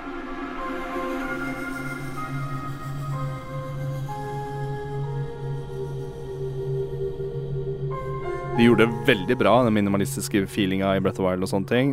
Det er fremdeles med og alt det der, men det er bare mye mer nå i Tears of the Kingdom. Um, jeg er svak for den hovedtemaet, jeg må si det. Ja. Ja, nei, flott soundtrack. Um, nummer to. Også et flott soundtrack, som er pussa opp. Og det er Som, Super Mario uh, RPG. Som er pussa opp fra 16-bit, håper jeg, fra Sumten-tida til eh, Og eh, det er jo Dette navnet har vi sagt før. Det er Yoko Shimomura. Hun er da kjent for å ha lagd musikk til både Street Fighter og Kingdom Hearts, om jeg ikke husker riktig. Uh, Legend of Mana, Xenoblade Chronicles. Hun har også vært med i Mario Luigi-serien, da. Men uh, Super Mario RPG, så det soundtracket her jeg, Hver gang jeg kom til et nytt sted i Super Mario RPG, så gikk jeg på menyen, og så gikk jeg og skulle høre en 16-bit-versjon, da. Bare for å få For den, den, den sounden er bare herlig på Super Nintendo. Mhm. Eh, men de har bevart De har bevart melodiene til, til, til gamle Super Mario RPG på SNES. Og bevart liksom lydbildet, kan jeg si. Ja. Ehm, ja, jeg har gått rundt og ble smågal av Battle Theme-sangen. Ja, ja, ja, den, den blir faktisk Den, den trekker faktisk ned Ja. litt. For det, det, er ikke noe, det er ikke noe variasjon på det. Nei, Den går og går. Jeg blir litt gal av den. Utenom Ja, det trekkes faktisk litt men utenom det så er det så ja da. flott soundtrack til spillet her. Og hver by du Har, har også kommer, en sånn i, kommer til Du føler, at, du føler at alle byene har et sånt eget tema. Det er genialt. Ja, og så har det også en sånn, sånn jævla rart musikalsk eh, eh, greie midt inni der. Du trenger ikke å Men de her, de her eh, Når du kommer til eh, de her eh, frosk... Froskeverden der, holdt på å si. Det, Ja. det Ja, den der minigame-greiene du må skal Ja, ja, ja. sette Ja. noter og sånne ting. Ja, det um, Ja da. Nei, øh, vinneren her er rett og slett et spill som ikke er et Nintendo-spill, men som er på Nintendo, og som er et så stort og viktig spill for oss i år. Eh, og som helt utvilsomt egentlig stikker av med seieren her. Uh, jeg ser nå på ei sånn side at det er over, over fem timer musikk. Det er gitt ut tre disker. mm. Det er sikkert dritkult hvis du får tak i de eh, noen sånn fysiske utgaver her, men, eh, men eh, det er tre ulike album da, som, som er på Spotify og Tidal og sånn. Litt sånn Peter Gabriel-feeling. Ja, nesten. Ja. Day and Night, Ja. og så har du ja du, har, du har Solstice, eller hva Sol, Solstice, det heter. mm. Eclipse, og så en Pirate-variant. Vi skal selvfølgelig til Sea of Stars.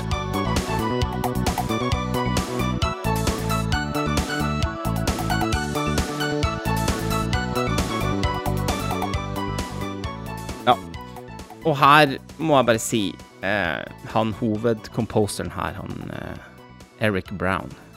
Eric W. Brown. Ja, han skal få mesteparten av crediten. Jeg tror selling Mm. pointen var jo på traileren var jo Mitsuda, som har lagd musikken til Krono Trigger.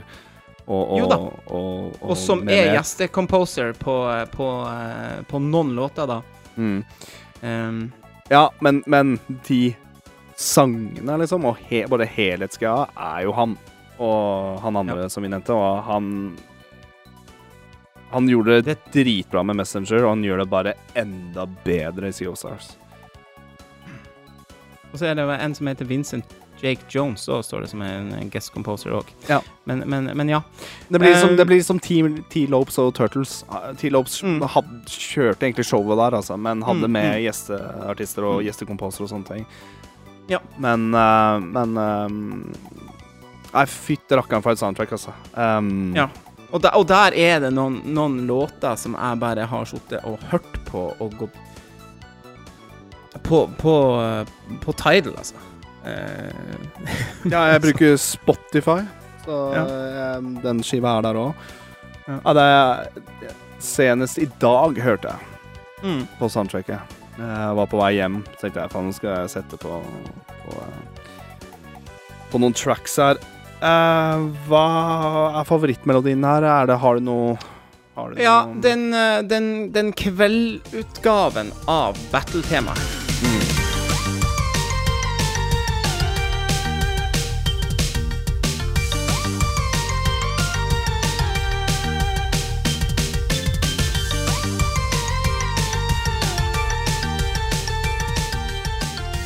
Det var et sånt utrolig wow-moment for meg. Da, da, da jeg kom på en sånn kveldsscene ganske relativt tidlig i spillet der, eh, og bare hørte at her er det litt omgjort, Mm. sounden på dette battle-temaet. Og da fikk jeg sånn gåsehud-moment da jeg spiller, altså. Så jeg, kan, jeg, det kan, jeg, jeg kan prøve å få det på opptaket. Du hører forskjell fra dag og natt, da. Mm, Og det er den lille synten der som som, uh, Ja, ja, ja, som ligger der og som ligger der og På en måte litt mer flatere lyd, men uh, stilig, ass.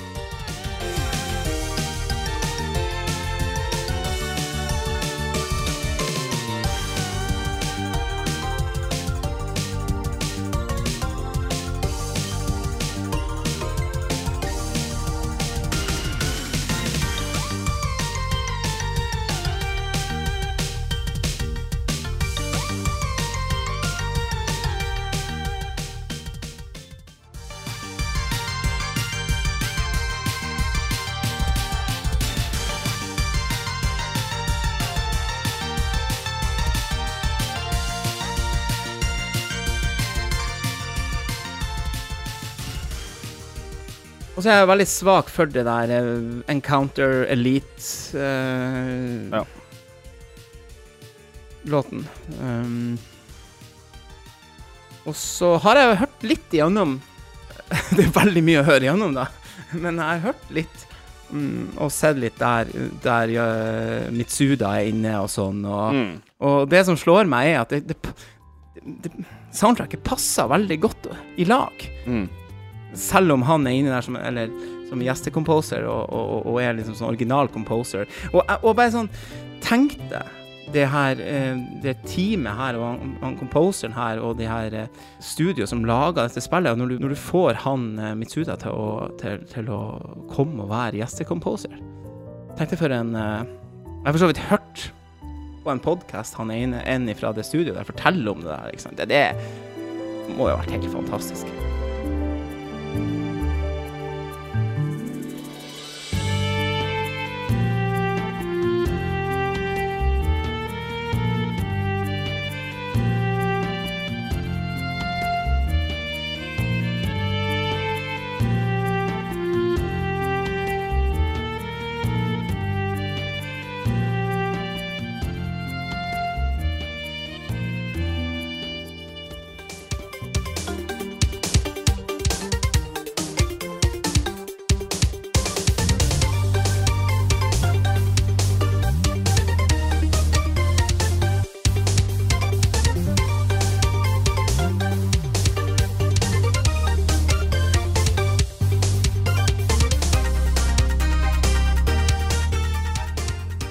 runda Messenger Ja. før det spillet her. Så ja, spillet er i, i, i samme univers og sånne ting, men noen av sangene fra The Messenger er med Mm. i, i uh, Sea of Stars.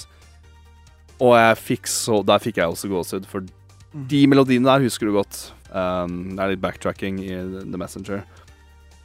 Og eh, to melodier jeg har hørt. Uh, Autumn Hills, og så er det når du skal opp til en uh, Glacial Peak, tror jeg. OK. Jeg visste ikke om det, men jeg bare hørte på beaten og bare Vent nå litt. Det, han har bare gønna på. Bare bedre versjoner av de sangene. Så mm, jeg syns det var fantastisk gjenbruk av en fantastisk uh, soundtrack fra tidligere spill de har lagd. Så mm. Nei, det er en sånn helhetsfølelse her. Um, at, det pass, at, at det passer til eh, en sånn hommage til 90-talls RPG-spill. Ja, 110 Det er litt sånn Ja, ja, ja, ja, ja. Det gjør det. Uh, det gjør faktisk det. Og det, og det er så Det er så gjennomført. Uh, mm. helt nydelig. Om, uh, om det nå betyr noen ting som helst, så skal de i hvert fall få de denne, denne Bros Awarden. Ja. Jeg skal få tilsendt en Bros Award.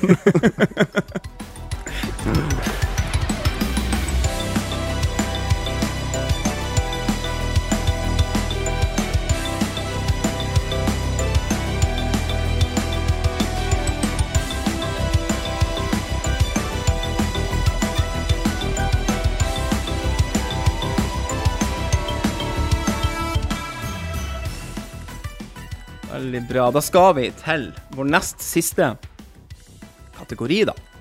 Eh, der vi eh, Som jeg var litt usikker på om vi skulle ha med i år, for det, den ble vel for første gang i fjor. Mm. Litt morsom kategori, om jeg får si det sjøl. årets beste sju av ti-spill. Og hvorfor sju av ti?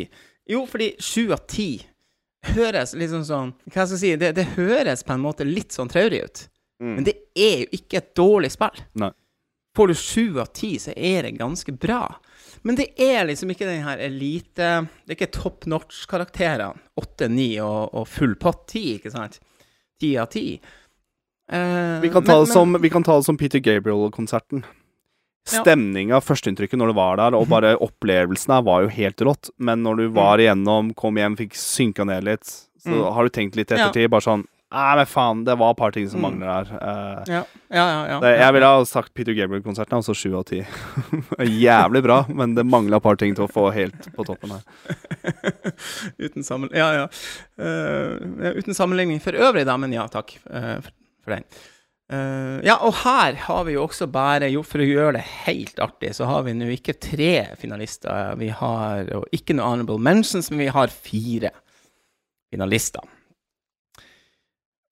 Eh, og det tar jeg i tilfeldig rekkefølge nå. Advance Wars 1 og 2-utgivelsen. Uh, Disney Illusion Island. Detective Pikachu Returns.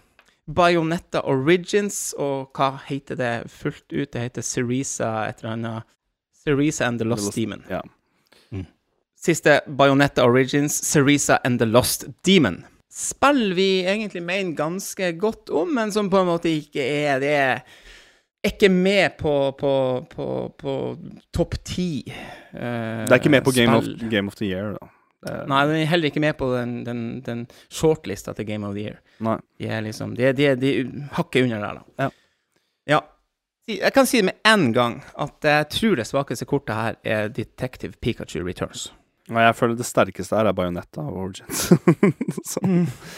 Ja, har Jeg syns Advance Wars 1 og 2 er solide, bra spill. Det er bra, bra, bra gjennomført. Uh... sånn, men, det, det, men det er også litt for glatt remaster også. mm. Det er ikke Ja. Det er tidvis sånn grafisk og sånn. Det er litt, litt kjedelig. Men Det er det. Disney Illusion Island òg er veldig for meg det, det, For å si sånn, det som gjør det på en måte Det er veldig klink sjuer for meg. Det, Ja. det er en helt fin opplevelse. Når ikke noe Super Mario-høyder. Eh, Men um, Nei, jeg ser den. Uh, Bayonetta Origins for meg òg. Det er sånn et spill jeg har tenkt på i ettertid. Bare sånn Oi, det kom ut i år. Jeg hadde et par fine opplevelser med det, men det var Mm. vel noe som satte litt dempe på det. Um, tidvis litt groteske, kjipe puzzles. Når det egentlig bare vil komme her framover. Um, Artstylen er utrolig fin og kjempebra og sånne ting. Du ser at det er, det er gjennomført, men grafikken gjør det også sånn at det er litt vanskelig å, å se hvor du skal videre. Så du skjønner at det er sånn Det er ikke helt, helt gjennomført, men, men det er et utrolig bra spill, da. Jeg, jeg, Ja, tenk, jeg tenkte sånn skulle det ha vært åtte av ti istedenfor, mens jeg er sju av ti. Han skal få lov til å være med på lista her, altså. Skal få være med på lista, og jeg skal egentlig bare skjære igjennom at den får denne prisen, fordi at eh, jeg tror nok, sånn som det høres ut, og i hvert fall i, i forhold til hvor jeg vurderer mine kandidater her, Ja. så tror jeg Bayonetta Origins er nærmere å få være med på topp ti- ti-lista vår. Ja, det Ja. Kanskje det her er spill nummer 11, da. Du, det- du tok litt ordene mine der, faktisk. Ja. Det er, syns jeg, jeg syns spillet fortjener faktisk å Mm. få den prisen. Få en liten uh, Bli bemerka litt. Lite plaster på såret. Ja, Mm. greit. Nå er det klart for eh, finalen i Bros Awards. Uh, vi skal til uh, Game of the Year 2023. Yes.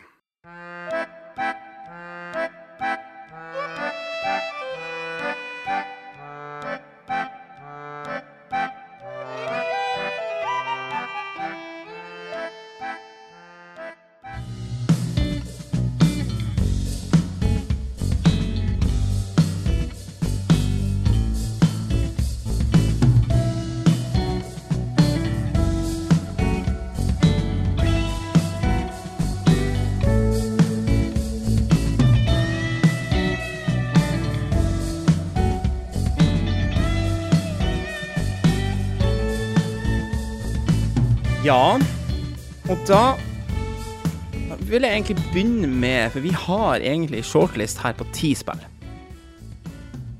Ja. Uh, fire av de er en finale. Finale-heat. Eh, seks av de er runners up. Og to av de krangler. Og To av de krangler litt. Tre av de krangler. Tre av de krangler på førsteplass. Jeg syns egentlig fire ja, Egentlig alle fire. Ja, ja, greit nok. Um, jeg kan egentlig ta det litt i rekkefølge her, tror jeg, på runners up, fordi det tror jeg vi er ganske enig i. Uh, nederst er det Kirby's Return to Dreamland Deluxe. Uh, plassen rett overfor der har du Fire Emblem Engage. Et spill som kanskje er litt oversett, uh, fordi det kom så tidlig på året. Eh, har kommet så vanvittig mye etterpå, ikke sant?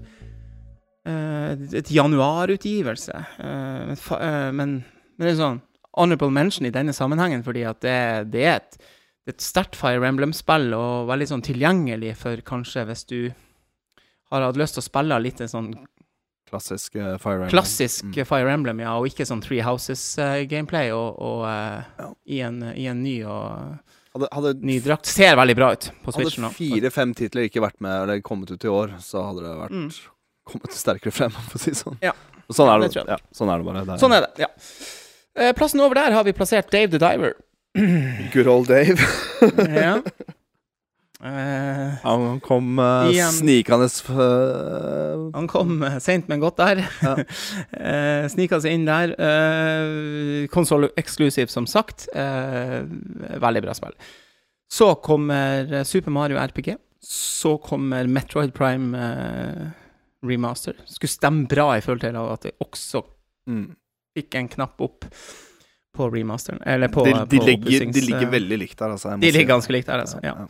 Eh, så har vi siste, siste som ikke kommer helt opp. Det er F-Zero 99. Selv, se, selv om det er en Bross favorite. Ja, det er en Bros det er en fan favorite her, altså. eh, internt i podkasten. Det er helt, helt klart. Ja. Den Så den kom ganske ganske høyt på lista, må jeg si. Eh, jeg, er med, jeg, er med, jeg er med på det. det. Jeg er med på Den gjør det. Mm. Men jeg, tror, når det gjelder topp fire, så er vi ganske uenige på rekkefølgen. Litt Ik Ikke mye. Ikke, ikke mye, nei. Uh, men litt. Og det har nå forskjellige grunner. Men jeg, kan ta det litt sånn tilfeldig rekkefølge her. Um, Peakmin 4 Jeg har ikke noe problem med at Pikmin 4 er på fjerdeplass. på, på fjerde. Nei, jeg har ikke noe problem med det i det hele tatt. Jeg ville bare at jeg skal opp litt der. Endelig så klarte jeg et Pikmin-spill å slå an litt, da, ikke sant. Eh, Kanskje til et bredere pub publikum og eh, Ja. Hva de har gjort for noe med gameplay òg, er ganske sånn drastisk og til det bedre enn hva de tidligere tidligere har gjort, da. Eh, det er at du har den bikkja du rir på, og den er så viktig, da, innenfor gameplay, og bare gjør det bare fetere. Um, Og de har tatt bort litt stresselement på godt og vondt, har de ikke det òg? Jo, de har fordelt stresselementer. Jeg kunne ha savna litt mer stressmomenter Ja. i sånn sjølve hovedgameplayet, men det er også deilig å spille et spill der du bare slapper av og bare gjør ting automatikk, og så bare cruiser Ja. litt gjennom det òg. Og det den følelsen der jeg føler at de har aisa med Pikmi 4. Jeg slappa av, jeg hadde det gøy. Progresjonen var fin. Hvorfor ble jeg helt sånn derre Må 100 dette her? Så det er gjort mye riktig her. Og det er alltid gøy Mm. å gå tilbake til basen til å se liksom sånn, få en liten sånn oppsummering. Hva er det du har gjort? Hva skal du gjøre videre? Hva skal jeg levele opp? Um, det er en uh, tredjepersons strategigame. Um, eh, det har vært så sinnssykt mye bra titler i år, men for meg så er dette by far et av mine favorittitler i år. Um, men, jeg har, men jeg har ikke noe imot at det her er på fjerdeplass nå. Nei, okay, det- okay. Det skal sies. Um, Men har du noe imot hvis jeg pås... Hvis, hvis jeg får uh, være så frekk og, og plassere Sea of Stars på en tredjeplass? jeg personlig mener at det er et av de bedre spillene som kom til i år. Jeg syns Ja, det ja, ja, ja, ja. Jeg personlig syns kanskje et hakk bedre enn Wonder. Bare sånn på lista her. Sure, men Wonder har du brukt så mye mer tid enn meg, og jeg veit Mm. at jeg har mye mer å gå på med Mario Wonder som kanskje jeg kan få i ettertid. Og Mm. du har solgt meg litt på, på et par enkelte ting. Jeg har runda hovedgreia med Wonder, men jeg har ikke gjort noe etterpå. Nei.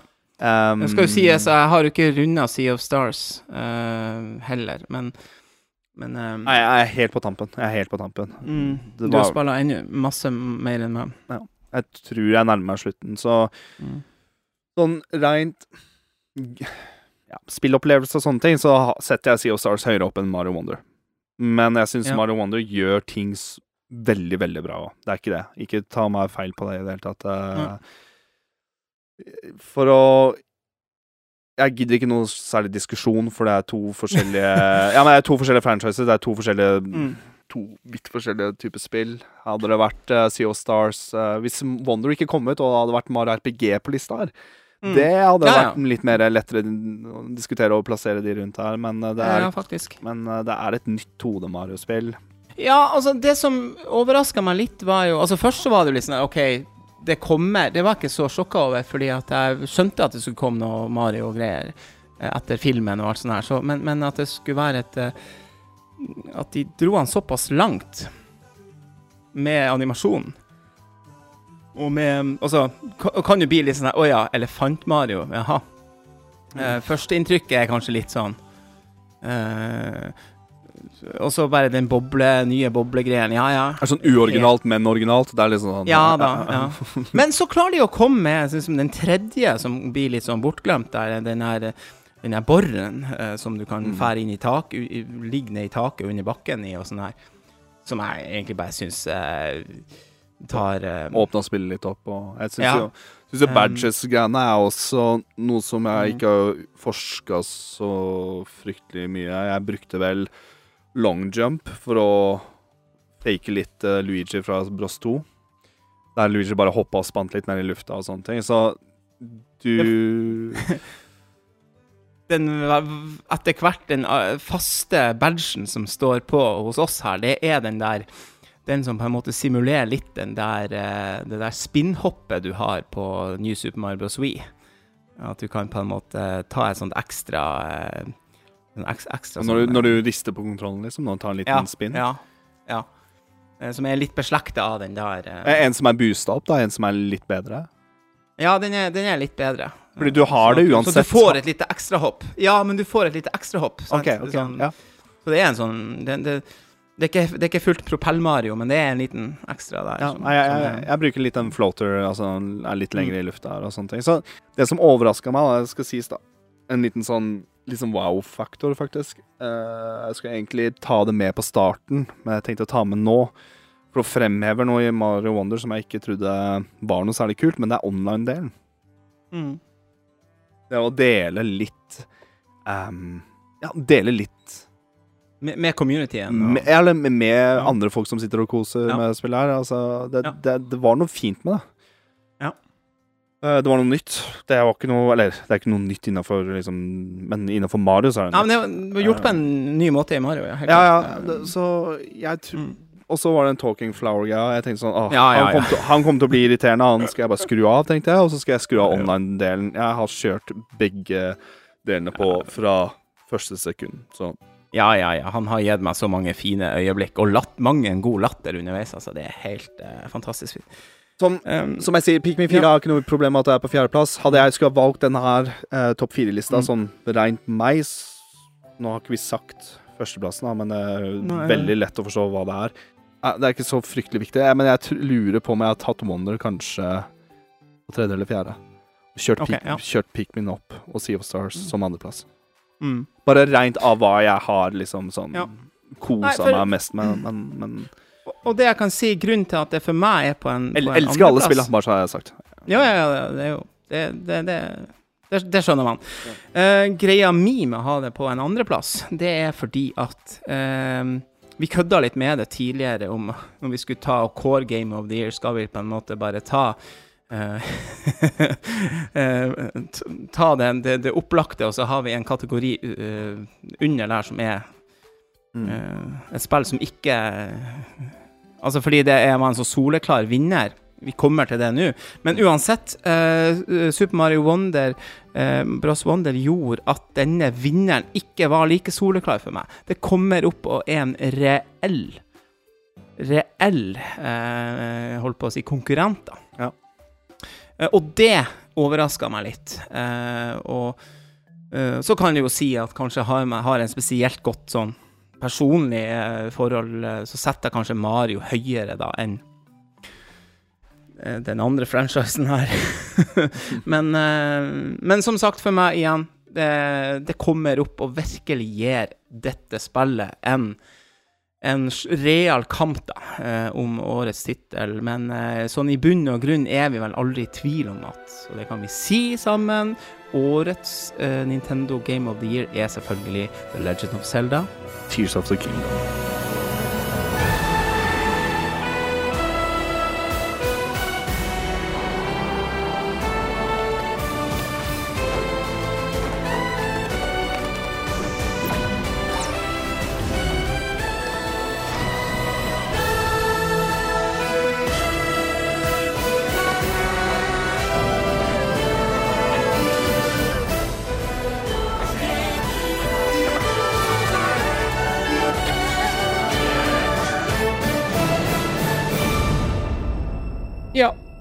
Is par hundre timer spilt mellom oss. is, man. It is what it is. Ja, helt klart. Det, det er ikke bedre å få det Jeg er ennå litt skuffet over at ikke det vant Game Awards. Um, Ja. men, eh, men samtidig Det er en oppfølger, ja.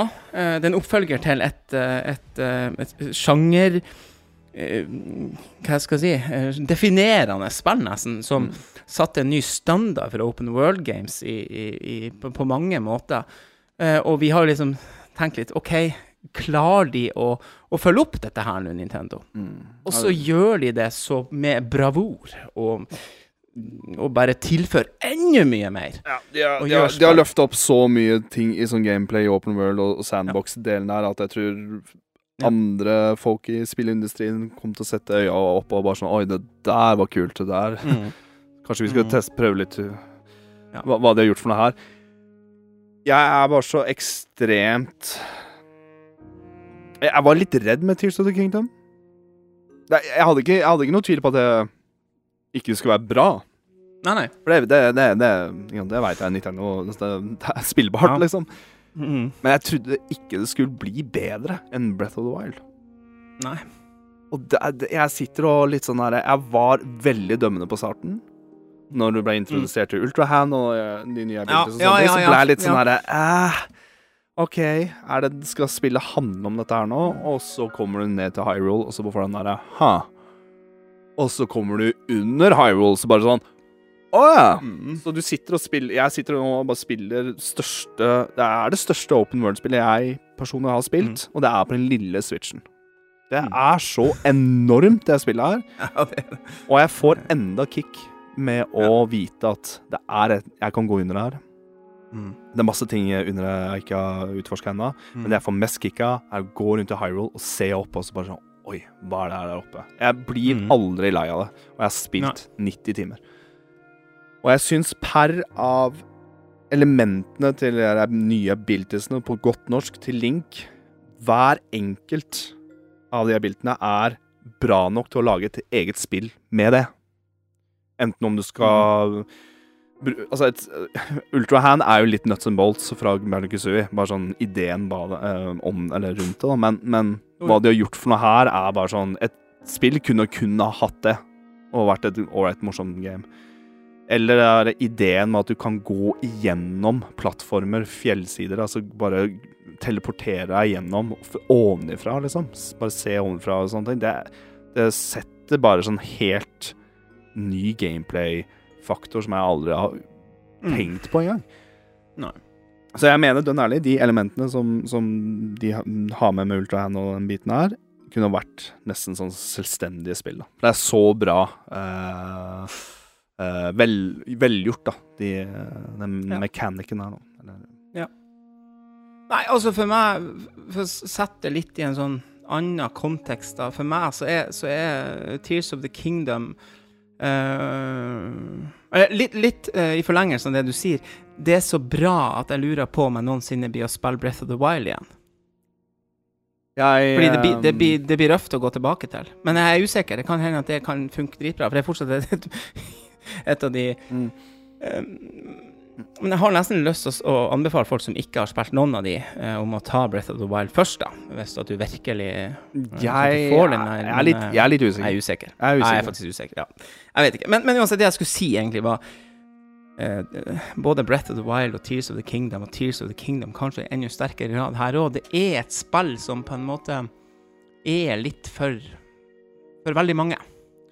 Eh, tør jeg påstå. Eh, at, at du kan sjøl velge litt hva du vil bruke tida di på.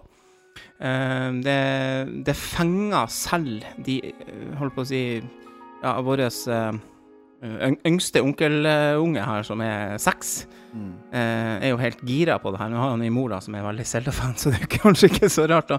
Men, men eh, ikke sant? Eh, det, det, feng, det fenger et veldig hvitt publikum. Tross alt. Mm. Um, Nå er kanskje Super Mario Men kanskje blir Super Mario litt for barnslig for litt sånn her eh, litt Litt eldre gutter som begynner å bli litt sånn, sant? Mm. Men, men, men Zelda har, har litt den her eh, Altså, hvem er det som ikke liker et godt eventyr? Um, Ja.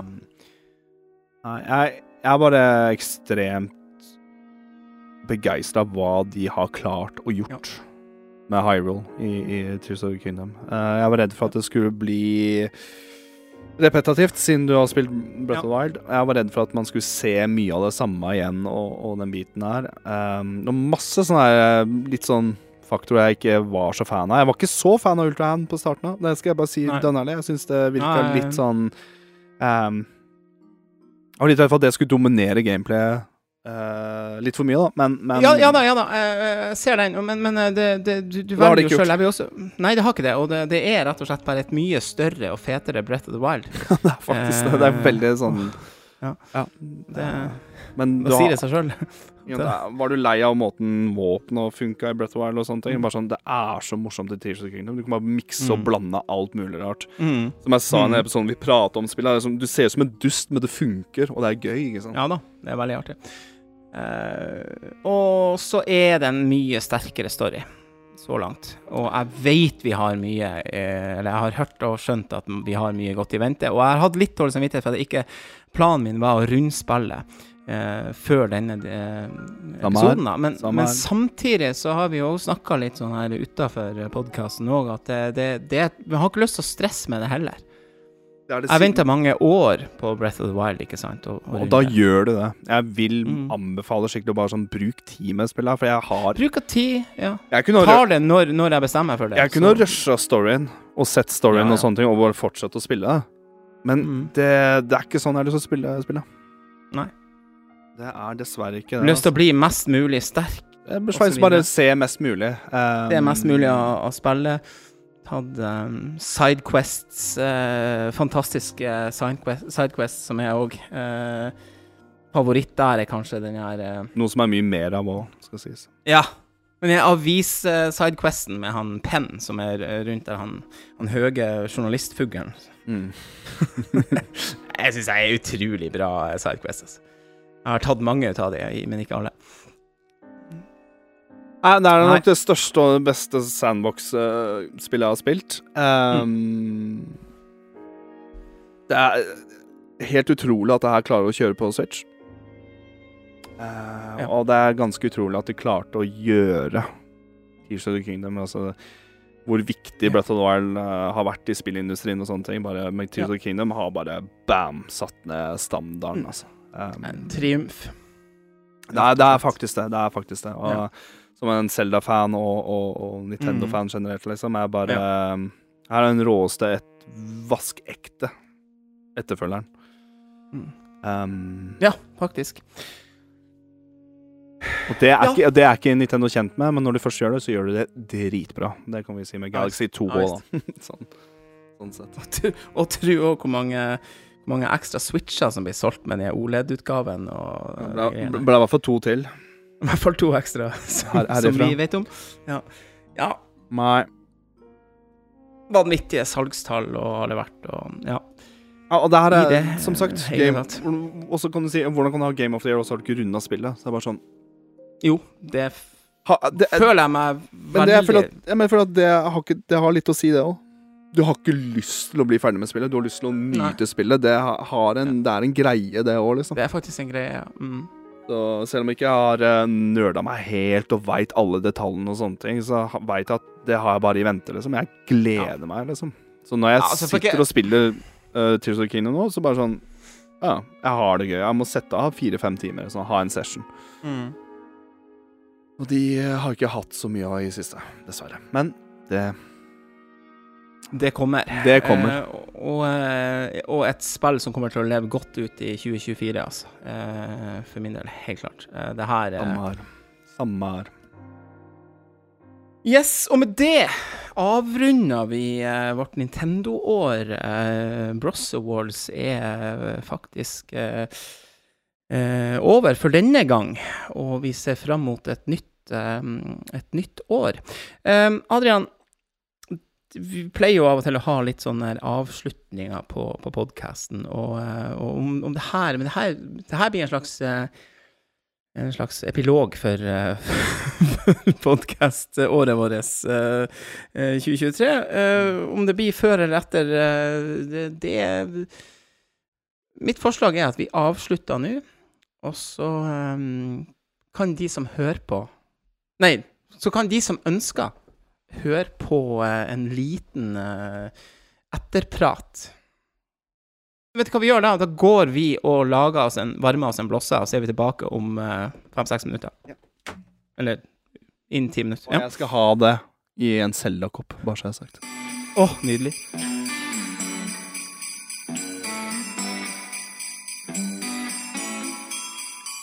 Det var altså Bros Awards, ja, og en gjennomgang av Nintendo-året vårt, som jo da også er en viktig gjennomgang av, og en viktig tradisjon for vår podkast. Uh, ble litt avbrutt i fjor da vi måtte utsette til Vi hadde litt problemer med utgivelsen i fjor, det skal sies. Eh, Ja. ja. Men en annen tradisjon vi har, er jo å ha en um, Når vi nå først har en romjulsprat, så uh, så er det jo også å ta seg en skål og en smak av årets blosser. Uh, årets årgangsblosser. Eh, vår sterkvinsgløgg fra Sverige, som i år heter Gamla Stan. Med smak av bringebær og humle. I tillegg til Blossas vanlige gløggkrydder. Så jeg vil bare si skål. Uh, Skål. skål med, uh, med blåsene. og uh, Da har vi var varma opp litt blossa, ja. mhm, den skal drikkes varm. Ja, hva syns du om årets smak? Så for to dager siden så har vi litt sånn sammenkomst, da. Ja. Meg og, og tre andre kompiser. En bitte liten julebord. Gutta julebord, si. Ja. Og da tok jeg meg en hel flaske. Men greia var at det var jo godt, og folk drakk det og sånne ting, men, men dagen etterpå så fikk jeg ikke sånn her følelsen at oi, nå husker jeg hvordan Blossa 23 smaker. Den hadde jeg glemt. her. Ja, ja. Eh, Den menyen Jeg skrev en liste til deg, liksom, hva jeg har fått i meg den dagen her. Det var Det var blanda drops. Ja, ja, det var, Um, det var ja. Så nå sitter jeg litt roligere. Mm. Um, passe redusert i går, Mm. men i dag så, så smakte det greit. Jeg, jeg, er, jeg syns vel kanskje fjorårets var litt mer heftig enn en den her. Litt bedre, ja. Men den var Den var, den var, um, den var fresh, da. Det skal. Ja, det som er med den her, jeg liker no. litt den syrligheten det du får, i hvert fall den første, når den treffer Mm. tunga først der, som er den syrligheten fra bringebæra der. Og så Mm. avslutter den med en litt sånn Litt den tørre, bitre humle... Mm. Så jeg syns den er kjempebra. Det Ja, den er bedre enn appelsin, faktisk, og den scora er veldig høyt. Mm. Fordi der kom også den syrlighet-biten. Ja. Men appelsin var også bra, altså. Ja, ja, bra. men eh, den, var bra. Den var bra. Den ligger på en, en fire pluss, fem minus, fire til fem. Sjiktet der hos meg. eh, På terning, eh, terningkastskalaen. Beste gløggen jeg har smakt. To av ti. det var en spøk. Eh, det vi har gjort, da, vi har eh, hatt et par eh, turer i, i, i skauen da vi har varma opp. Og det, det er liksom da jeg syns det er aller best. Eh, varme opp Det på er liksom bål. skauen og, skauen, og podkasten jeg har mest, best minner med Med blåsa. blåse, ja, ja. Mm. Nå hadde vi jo planer, jeg og han Alfred, da, vår venn, vår svenske venn, eh, om å skulle endelig i år Og planen var klar, datoen og helga var satt, de skulle komme hit, og så har det vært så jævlig dårlig vær. Og det å drive og kjøre mellom fjelloverganger her og sånn oppe i Nord-Norge, det er noe drit. Så eh, det ble rett og slett eh, avlyst, dessverre. Eh, så vi har ikke fått den der Og så skulle vi kanskje møtes i romjula nå, men også det er jo litt sånn, du vet. Få tid til alt i romjula sånn her, det skal litt til. Eh, så eh, vi får se. Vi har blitt enige om nå, og han er jo veldig sånn her, det skal jo bare drikke blåser i på en måte sånn i, i adventstida helst, ikke sant. Men, men han har Mm. blitt litt mer sånn Kanskje vi bare må utvide litt, sånn at vi jula varer helt til påske, liksom. Og du har uh, muligheter til å møtes litt utover vinteren. Og- og Tru det eller ei, jeg kjøpte to flasker ganske tidlig i desember. Ja. Det var første uka i desember.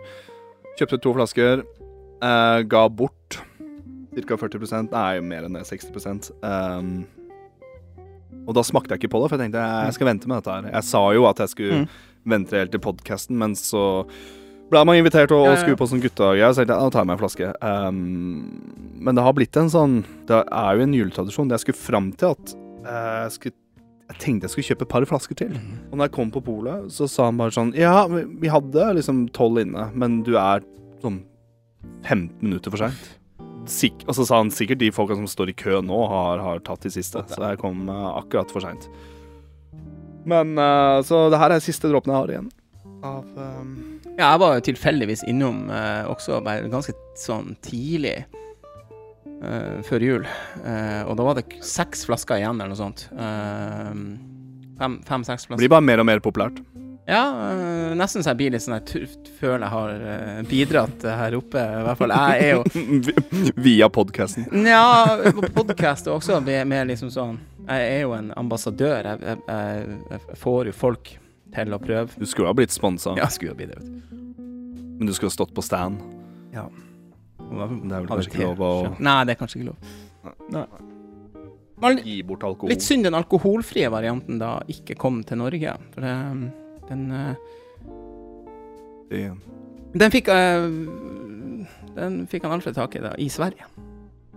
Hm. I flaska det. Så, uh, men uh, Nei. ja. Gløgg i Selda-koppen. Året er snart over. Mm. Pluss minus med podkasten, Alex. eh, U23. Ja, minus helt klart at retrobiten er, som jeg har sagt, er på, på, på is. Eh, minus også vi har kanskje hatt litt lite gjester. Ikke bare kanskje. Mm. Det var min. Jeg Ja. savner av og til litt Ja. gjester. Ja. Uh, det er mer jobb, det skal sies. og det er mer sånn du eh, må plan... Og, og vi er litt sånn her Av og til så er det vanskelig å bare planlegge når skal det passe, og når skal det funke å spille inn. Så da er det greit å ikke ha noe sånn her eh, en tredjepart som skal på en måte klaffe òg, ikke sant? Det det er noe med det, altså. Ja. Det er faktisk det mest det. Pluss, da. Pluss, eh, det må jeg bare si, jeg syns det er så bra at vi holder det gående. Mm. Eh, for det er liksom ingen selvfølge eh, da vi begynte, holdt på å si, før, rett før pandemien, og så kom pandemien, og så hele den reisa der, ikke sant, med at eh, Så så du det at i fjor var det mange som Eller no, noen som ga seg, og, og, og, Ja, og sånn, nei um, Generelt, jeg tror også det at vi har en, liksom en sånn, sånn egen Ikke tema, da, fast tema. Eller ikke tema, men nisje. Nisje. Mm. Ja. Min pluss og minus Altså Pluss er at vi har holdt det gående. Mm. Uansett pokker hva. Noen, så, noen ganger så har vi, er vi mer aktive, Ja. men vi holder den én gang i måneden. Eh, minus er at vi En ting er retrobiten. Mm. Jeg savner den veldig. Uh, men jeg savner kanskje ja, Har vi hatt noe annet i annet retro og sånne ting, så har det også vært lettere å få med gjester. Mm. Det var det Det som var litt planen. Ja, ikke sant, Mm. så Så det du sa at med, du savner retrobiten og lite gjester, det, det har litt sammenheng, føler jeg. Ja, det har det. Eh, e- eventuelt tidløse episoder slash I stedet for å ha med en gjest som må gå gjennom news ikke sant? og litt den nerdiga du og jeg holder på med. Liksom, den kan du og jeg styre, men jeg har lyst til å få en eller annen eh, Ja, en, en, en til del, da. Ikke sant? Ja. Vi har ekstraepisoder, vi har vanlige episoder, men jeg har lyst til å bare få Som ikke er replay. Jeg savner replayen, men jeg må bare få et, Jeg, jeg veit ikke. Nei, jeg vet ikke heller. Og, og, Jeg vet ikke. men det også, også har jeg på en måte innfunnet meg med at å ha én vanlig episode i måneden er for så vidt nok. Uh, og Vet det varierer så veldig òg, ikke sant, hvor mye nyheter Det gjør det. Men også litt på privaten og sånne Ja. ting. At jeg merker at det tar mer og mer Man har blitt mer og mer vant til men, det, så, men så tar det også mer og mer tid. Ja. På en sånn rar måte. At uh, har liksom ikke knekt helt den koden med å sette av det her er vår tid til podkasten. Mm. Vi må det ta litt sånn Når passer det for oss? OK, vi tar det da. Mm. Og, og sånn er det bare. Um, jeg vet ikke hva en pluss og minus skal mye blei for. Det er en lett blanding. Lett Men, blanding, eh, ja. plussen er at, at, men plussen at vi sitter her skal, skal få en episode før uh, 2024. også, en, Ja. også en kjempepluss er jo at vi fortsatt har et samarbeid med Bergsala. Vi har muligheten til å få anmelder eh, omtale eksemplar eh, fra dem. Eh, det har jo Det har jo ja, det har jo ført til at vi har eh, Jeg bare så den, den, den Den veggen av røde eh, Nintendo Mm. Switch-spillrygger er jo bare helt vill. Eh, Ja. eh, det, og det Kjæresten min var bare sånn Wow, du har ganske mange spill i hylla nå. Så jeg bare sånn Ja. Men så snur hun seg, så bare sånn Men vent, da, du har masse spill bak her òg, liksom. Mm. Så jeg hadde ikke plass til mer eh, i TV-benken under, altså under TV-en. da Så jeg måtte fjerne vekk de spillene som jeg garantert ikke kom Mm. til å ta på en stund. Og den er like lang og brei, den. ja, altså Det sjuke er at de her boksene til Switchen er så små og, og, ikke og sant? og tynn. og tynn, så det er jo helt vilt. Eh, og, så, og så drev jeg så litt på, på samlinga her i går.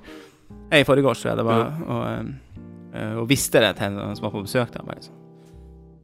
Uh, og, um, og da uh, ser jeg jo det at det lille knippet med Wii U-titler Mm. er sånn, det var- sånn, sånn søt bare oppafor der, ikke sant? Da holdt du det på et sånt helt Hadde jo ganske kort levetid, den Wii U-en, da. Jeg trodde 360-samlinga mi skulle være den største jeg har, noen gang har hatt. Så kommer GameCube på andreplass, men Switchen er på, på førsteplass etter Og det verste av alt, det er fysiske, fysiske spill. Vi har, mm. har jo jævelsk med digitale. Det er Nesten sånn to, har sånn 200 gig SD-kort som er nesten fylt opp på en, på en på, på da. Jeg 200 gig fylt opp på den første switchen, og så nye andre. Og så andre switchen, den, den er litt mer clean og Nei, um, Ja, det er den første konsollen jeg har det- kjøpt tre ut av. Ja. Som ikke er ren håndholdt. Ja. Eh, Nei, um, men, men vi sitter her, da. Fjerde året. Mm. At, at Switch skulle slå og bli så bra Ja. når vi tenkte vi skulle lage podkast og sånne ting, det, det um, Det har egentlig bare vært jæskla morsomt oppi opp. Ja, det har det. Um, Og eh, Nei, det skal jo ikke slutte her heller. Så um, um, ja, du og jeg, vi har diskutert litt. Ja. Litt Ja sånn hva Får vi se litt. Men, men det vi i hvert fall, Vi hvis det vi i hvert fall skal eh, eh, fast ved, er den faste månedlige Bross-episoden. Eh, Ja. Med litt spillnyheter, med nye titler vi spiller, litt generell pisspreik, osv. Så, så får vi se hva vi får til av andre eh, det, Jeg tør ikke å love noen ting som helst, men, men jeg tør- Jeg skal bare si det sitter jævlig langt inne å avlyse en månedlig episode. Eh, det, det er liksom sånn det, det, det skal jeg liksom alltid prøve å få til, tenker jeg da. Eller vi, da. Det var blåsene som slo inn her nå, kanskje. Ja, kanskje. Faen, det var Den er um, Sånn, Litt avslutningsvis nå. Vi, vi har noen faste lyttere. Uh, lyttertallene våre er ikke veldig høye, og det er, jeg har- har veldig stor respekt for at folk sier tid eh, der ute. Altså, så, Mm. så, så har man en masse konkurranse, selv om lyd og podkast er en sekundæraktivitet som du kan ha på Mm. mens du f.eks. klipper lener eller kjører bil eller Mm. Måke snø. måker snø. Ja. veld, veldig ak ak aktuelt for tida. Uh, så, så, så er det noe med at det er, det er mange podkaster der ute. Det er mange uh, lydbøker. Det er altså uh, Det er masse. Eh, så Og jeg ser bare det at når, når vi liksom hver eneste gang har over 100 lyttere, så sier det seg at det har vi på en måte i hvert fall en sånn kjerne av noen faste lyttere der. Så, Mm. og, og, og holdt på å si det, Som ikke er kun er venner og, og, og Ja, ja, ja. For de er jo nesten familie. Ja, eh, og det er Ja, det, det er veldig artig. Og, eh, i år så har jeg blitt litt mer kjent med en ut av dem vi spiller online. Uh, Møtte den i fjor. Ja. det gjorde du. Ikke jeg. Men eh, Så det, det er klart at vi kunne jo også ha vært mer aktive i det miljøet der og alt sånt, og, og ikke har jeg vært Mm. på, på retromesse eller noe sånt, men, eh, men det til tross, da, så, så, så har vi en liten eh, så har vi en liten Nintendo-podkast gående, og vi, Og vi trives vi med det. trives med det. Ja. Og igjen, til våre lyttere der ute, det, vi setter utrolig pris på dere, og at dere gidder å, å følge med på, på oss. Um, og Håper de fleste har hatt en god jul og godt nyttår. ja, det må vi få med. Uh, god jul til alle sammen. Og for, eller det ene er snart over nå når den her kommer ut, og du som kanskje hører på det her etter jul, vil i hvert fall si godt nyttår. Uh, Podkasten Bross er tilbake i 2024. Eller Ja. Faen, det går fort i årene, altså. ja, det er Ja, det sykt. Det er bare sånn.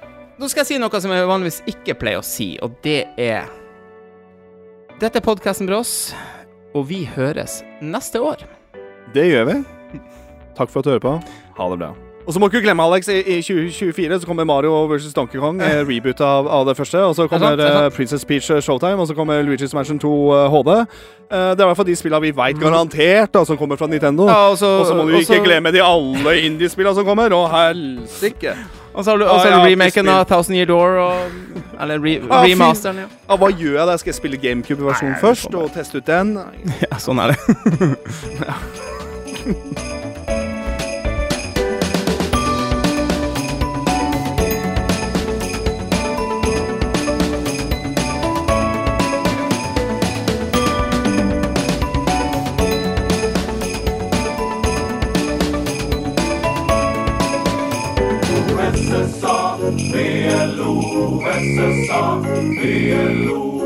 SSA, løken heter Blåsa.